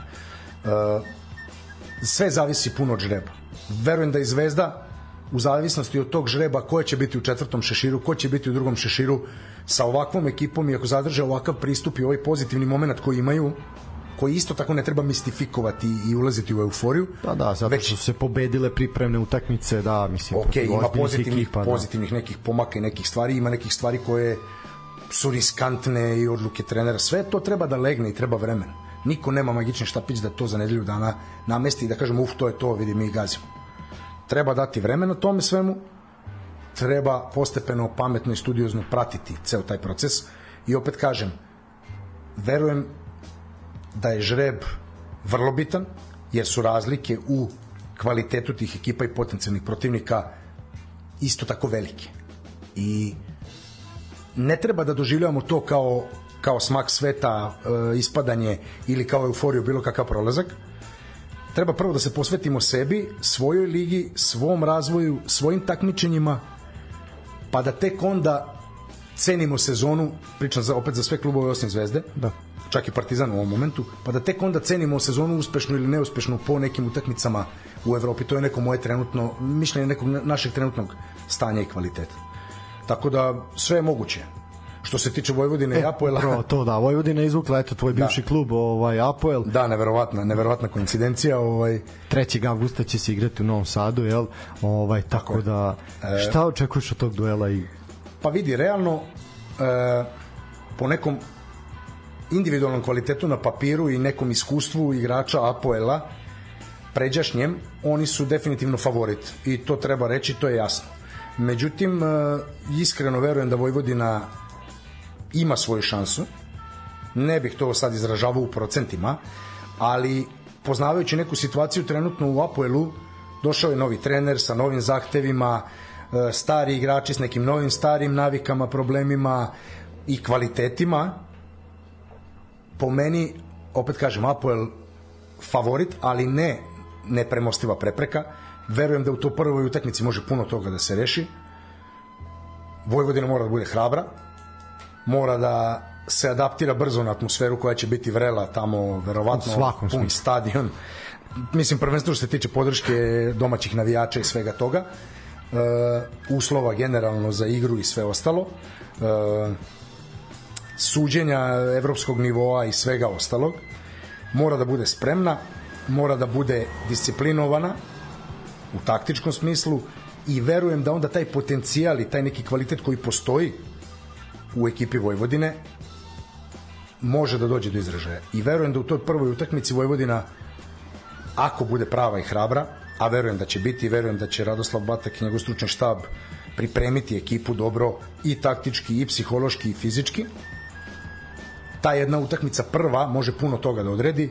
Ako ostane otvorena i aktivna situacija i za revanš ovde, verujem da Vojvodina ima svoju šansu koja nije mala.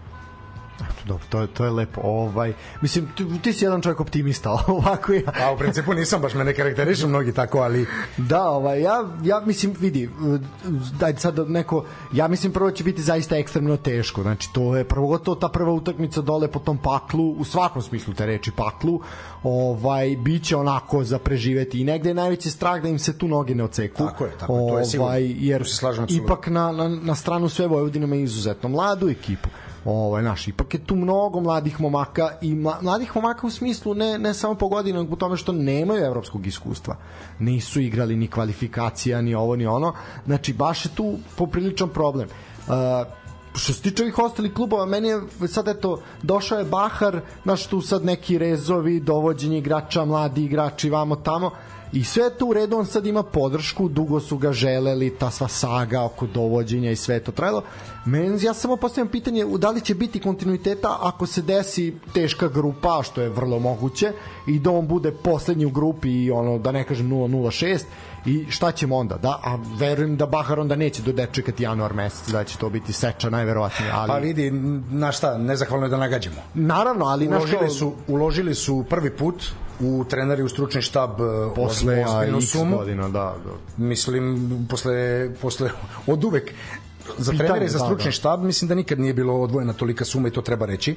Iako su neki ljudi pre možda i zaslužili i veće poverenje i veću podršku. E, oni imaju svoj neki stil i metod rada, to je već sad jasno i specifično i svima nama je u interesu da oni naprave dobar rezultat.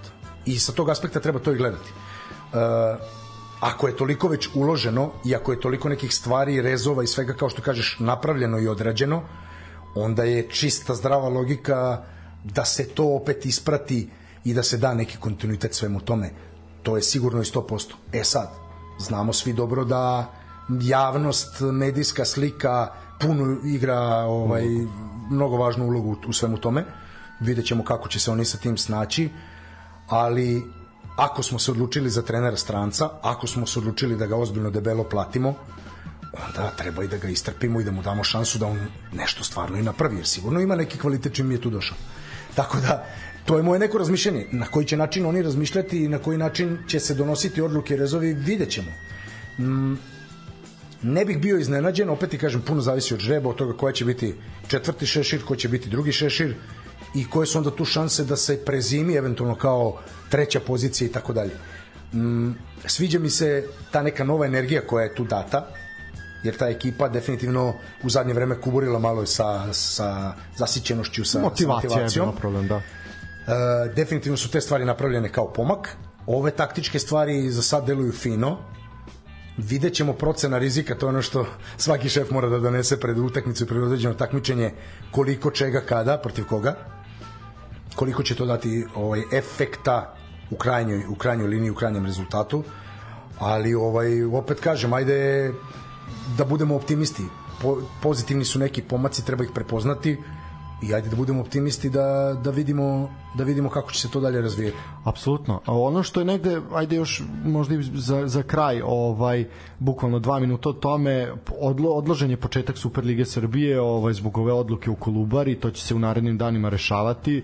Ovaj, kako ti gledaš na to? Eto sa tvoje trenerske struke neću te pitati da li je Kolubara kriva ili nije kriva to je sad to nije za nas da da mi možemo da, da mislimo ovako ili onako. Niti možemo da znamo. Niti možemo znati jako. To je najteža stvar za dokazati je nameštena fudbalska utakmica apsolutno. Ono lakše je CSI Miami nego rešiti svaka je pod, svaka je pod sumnjom da da ovaj jer ono da bukvalno pošto mi nikome ne verujemo. Da da ovaj kad kad si toliki skeptik i kad ne veruješ u ništa onda naravno da je problem. E sad koliko to je otežava trenerima ili koliko je to zapravo možda dobro što se za eto 10 dana za nedelju dana pomerila pomerio početak ovaj takmičenja. Koliko to može biti dobro ili ili nije dobro? Koliko sad misliš da su se treneri odnosno stručni štabovi obratovali tome?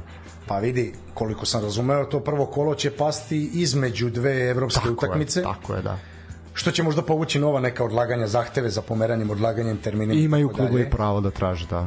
Pošto je to rađeno do sada, izlaženo u susret, klubovi imaju pravo da traže. Ako jednome ispuniš, morat ćeš ispuniti drugima. E, po meni, opet se vraćam na istu priču, znači stabilan sistem ne trpi improvizaciju. Takve stvari jednostavno su neozbiljne da se dešavaju u jednom ozbiljnom sistemu kao što bi trebalo da bude superligaško takmičenje. Ako je 11. liga po kvalitetu u Evropi. Ako je donešena neka presuda, mora postoji neki proces iza nje. Ako je neko proglašen krivim za nešto, mora da postoji dokaz i proces. Ako je jedan samo kriv, postavlja se pitanje da li još neko učestvovao. E, ili se to istera do kraja ili se ne istera. Nažalost, kod nas je to kao i gomila tema ovih nekih koji ima, kojih se dotaknemo na kraju nedefinisano. I mi kao, ajde da kažem, obični slušalci ili čak i neko ko je iz struke, iz futbala, ne možemo da znamo i nažalost ne znamo istinu. Pojavljuju se raznorazne informacije kroz medije, ko s kojim medijima šuruje takvu informaciju pušta i mi tu sad bavimo se nekim čaršijskim pričama. E, ako je neko krivi, ako je, ako je radio neke nečasne radnje, treba da odgovara ne oduzimanjem 9 bodova, nego nekim mnogo drastičnim Absolut. stvarima po meni. E, s druge strane, takmičenje je mnogo neozbiljno da ne zna se nedelju dana pre početka kad će da počne sa trenerske strane, to je mnogo teško. Pazi, ne samo da se ne zna kad će da počne, nego ti ne, ne znaš koliko ćeš imati da klubova da, u, u ligi. Da. Znači, vrlo, sa, sad je kao isto priča. Biće 17. Da, mislim, naš, tek, mislim stalno su tako neke polovične ovaj informacije i polovične neke odluke, barem meni to tako izgleda. Uh, ne bih sebe dao za pravo da ja sad tu ovaj vršim neku procenu, ali za mene to sve zvuči onako nekako blago neozbiljno. I ovaj i mislim da takav utisak i ostavljamo u fudbalskom svetu i u, i u svetskoj javnosti. Pa i u I, našoj, znaš, to i to odbija naše, ljude. Mi smo naši, pa smo takvi kakvi smo i, pa da, i navikli, smo, navikli to, smo već na to. Ali odbija ljude to od praćenja i od dolaska na stadion u krajnjoj Apsolutno. S druge strane, na stadion već odavno ne dolaze ljudi koji vole fudbal i žele samo da dođu da pogledaju utakmicu. Jako mali broj. Jako mali broj ljudi i njima svaka čast, treba ih, treba ih pozdraviti u svakom slučaju. A, e, pitamo se zašto neki late lat se dvoumi hoće da dođe ili neće, on i njegov menadžer i ne samo to. Mm, mnogi igrači, mnogi menadžeri deset puta dobro razmisle da li će i kako i u koje naše klubove dovesti igrači pod kojim uslovima. Ja sam svedok toga već, već duži niz godina, e, poznavajući tu problematiku. Uh, tako da to je sve jedan efekat, uh, jedna slika koju mi šaljemo napolje i onda se pitamo zašto negde nas neko možda ne ceni više. opet treba da krenemo negde od samih sebe i da postavimo stvari na svoje mesto i da da svako od nas učini ono što je u njegovoj sredini, u njegovoj okolini do njega, pa da se onda nadamo da će i neki drugi ljudi oko nas i iznad nas isto tako prihvatiti tu tendenciju i, i da ćemo početi ono da, da ozdravljamo u tom celom pravcu.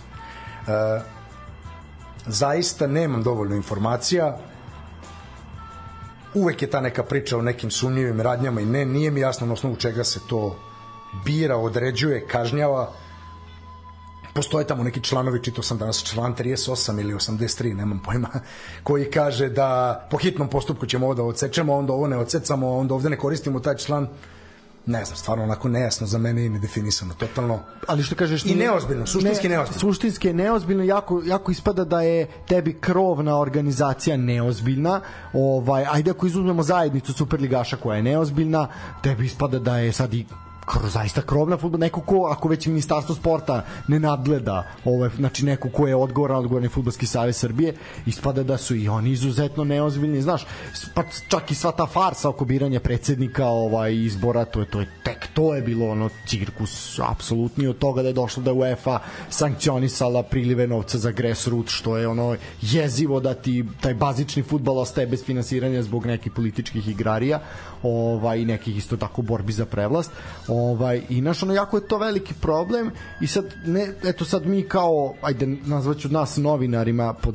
velikim znacima navoda, ali ljubitelji futbala koji smo eto prošle godine, prošle sezone ono neka preko, futbalska javnost. Futbalska javnost, mi ja to može nazovemo se tako, koja je naš ono preko 30 puta, ono mi smo svako kolo bili na nekom stadionu, negde dva puta, negde tri puta, ono naš. I ti kad odeš i sad znaš kao sad ja treba da šaljem za akreditacije ili treba kupim sezonski ili ovo, ono, ja sad znaš, ono kao, čak i meni koji sam eto entuzijazam, ono, imam entuzijazam nemerljiv ili meni ubija želju da ja sad idem to da gledam, razumeš, ono kao toliki, a zamisli nekom klincu ili nešto koliko to koliko absolutno, to ubija ubija apsolut, apsolutno si upravo. I preće ostati nažalost kod kuće da gleda ono West Ham i, i Leeds nego što će gledati što će gledati ovo. Apsolutno si upravo kažem ti, to je samo jedna onako od stvari u celom nizu ti gledaš iz ugla da kažemo sportske futbalske javnosti, ja gledam iz ugla nekoga ko živi od toga i bavi se time i posvećen je da. tome.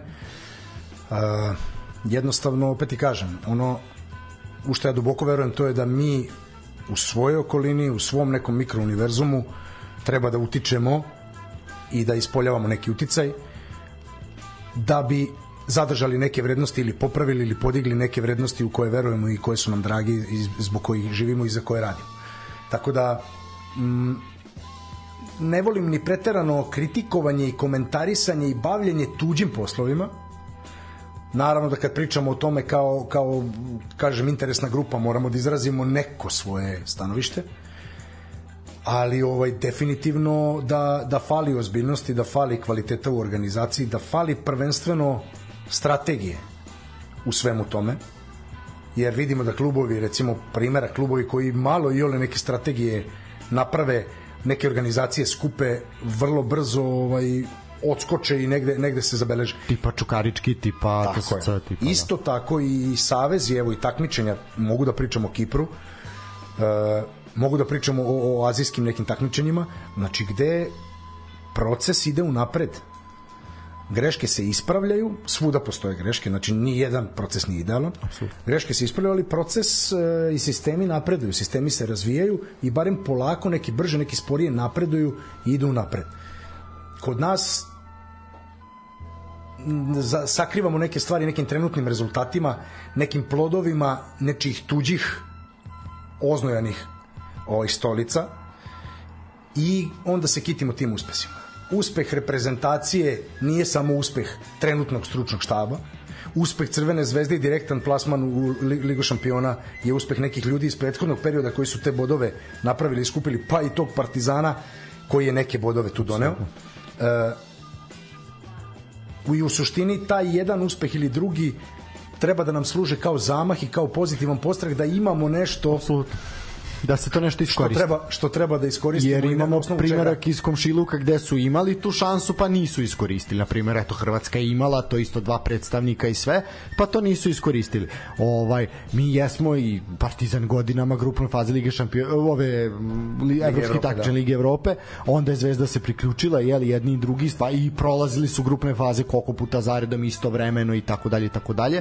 Na što se to nakupilo i sad je zaista šansa da tu neki taj TSC ili Čukarički ili Vojvodina, da tu sad skupi neki još bod da ostanemo tu gde jesmo. Ok, nerealno je očekivati da imamo dva predstavnika u Ligi šampiona, mislim da zaista nismo na tom nivou veliko je pitanje koliko smo mi realno 11. liga po kvalitetu. Mi imamo bodove za 11. mesto, ali da li smo mi po kvalitetu pa postoje, postoje literature, postoje istraživanja, samo oni nama nisu dostupni i običan čovek ovde i čak i sportski futbolski radnici ih ne vide postoje e, studije koje radi UEFA, koje radi FIFA, koje rade nezavisne agencije, e, statistički izveštaj izlaže svaki mesec na ovome sajtu CS-a da, i to je vrlo lako da. može da se uporedi. E, sve te neke statističke i te neke, ajde da kažemo, vrednostne kategorije ti pokazuju stvari ko si, gde si, šta si.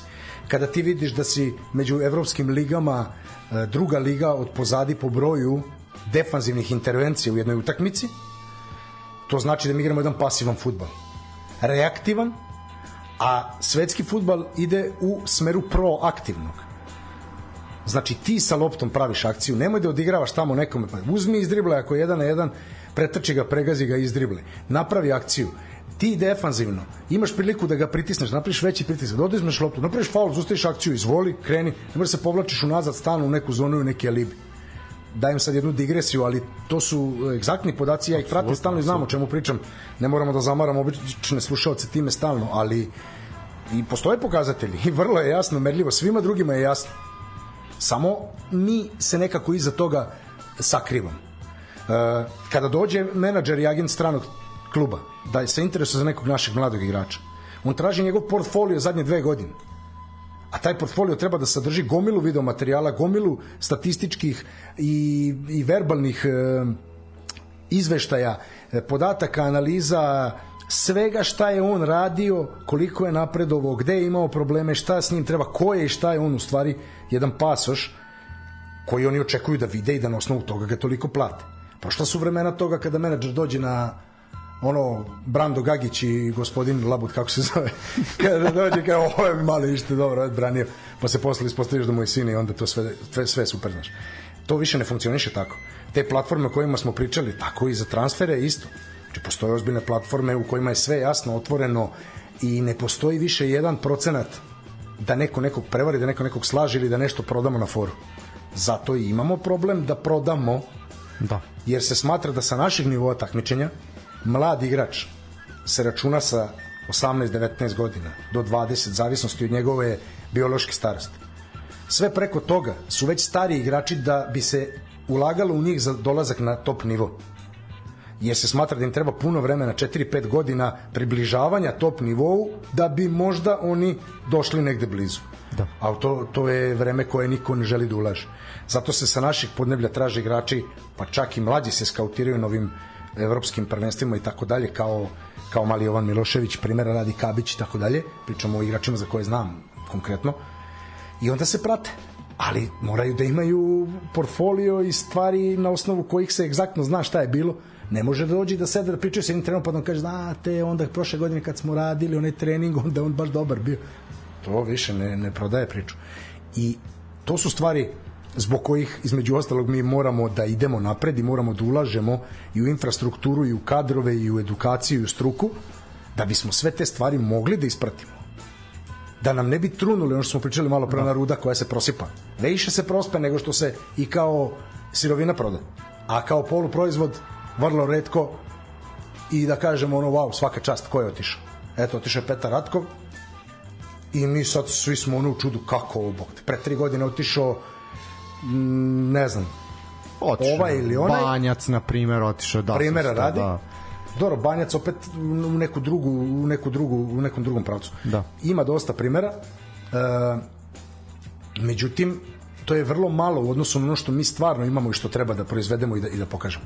Ali niko neće da kupi auto bez papira i neuknjižen stan. Koliko god da lepo izgleda ovaj, da. raspored kvadrature i terasa plastično ovaj objašnjeno. Jasno. Tako da, opet se vraćamo na ono, sistem, doslednost, kontinuitet, investiranje, otvaranje nas međusobno, znači podizanje neke struke koju samo sami možemo da podignemo.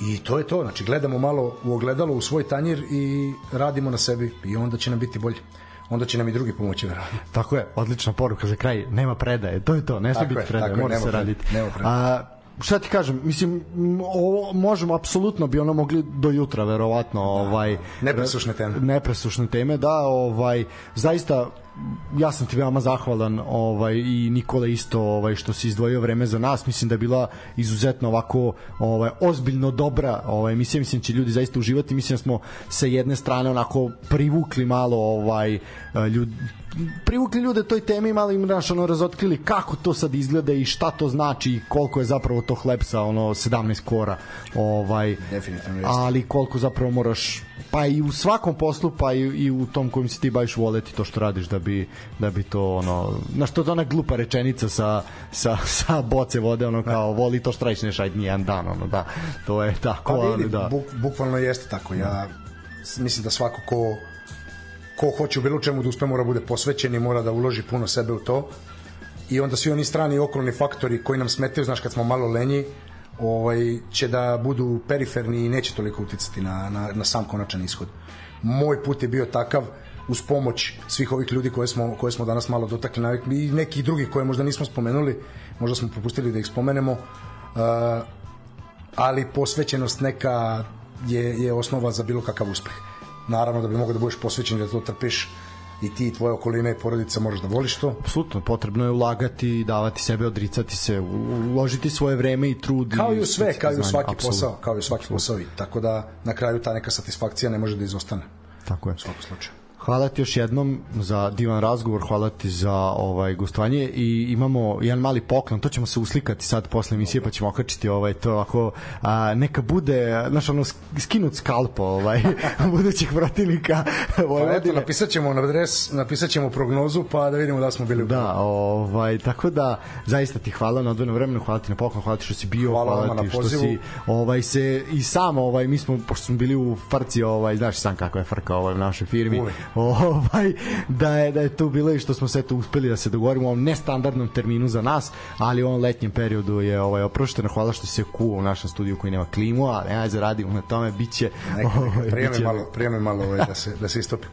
Zahvalio bih vam se na pozivu stvarno i kažem ti pravo je uživanje uh, malo izaći u javnost uh, u nekom upuštenijem okviru sa nekim realnim pričama i temama i možda smo bili malo konfuzni pojedinim e, da sferama slušalaca.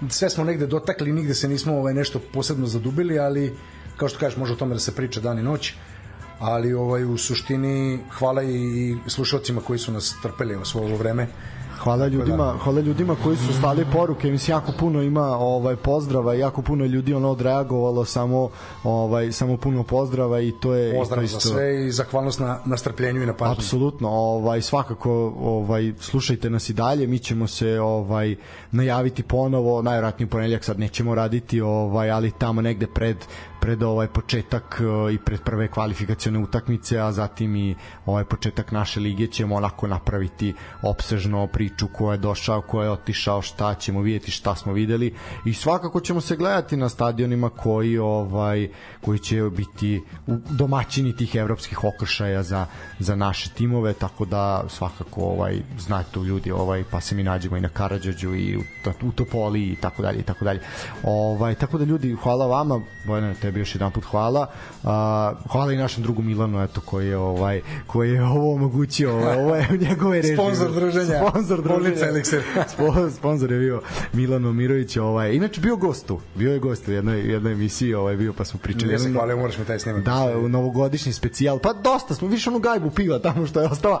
To je to je bilo to znam da nije on popio. To znam nije, da nije on. nije on popio, ali tu je bio ovaj tad se tad je ovaj to je suvenir sa tog snimanja, tako ti jasno na što je to ličilo bilo. Sada vidimo da li preživio popisano i ovo.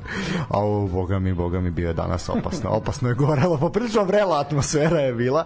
Ovaj, ali dobro. Tako da, ljudi, uživajte laku noć, ovaj, preživite ove paklene dane, pa se čujemo, čujemo najvratnije naredne naredne nedelje. Bok još jedan hvala i prija. Hvala tebi, laku noć, prije.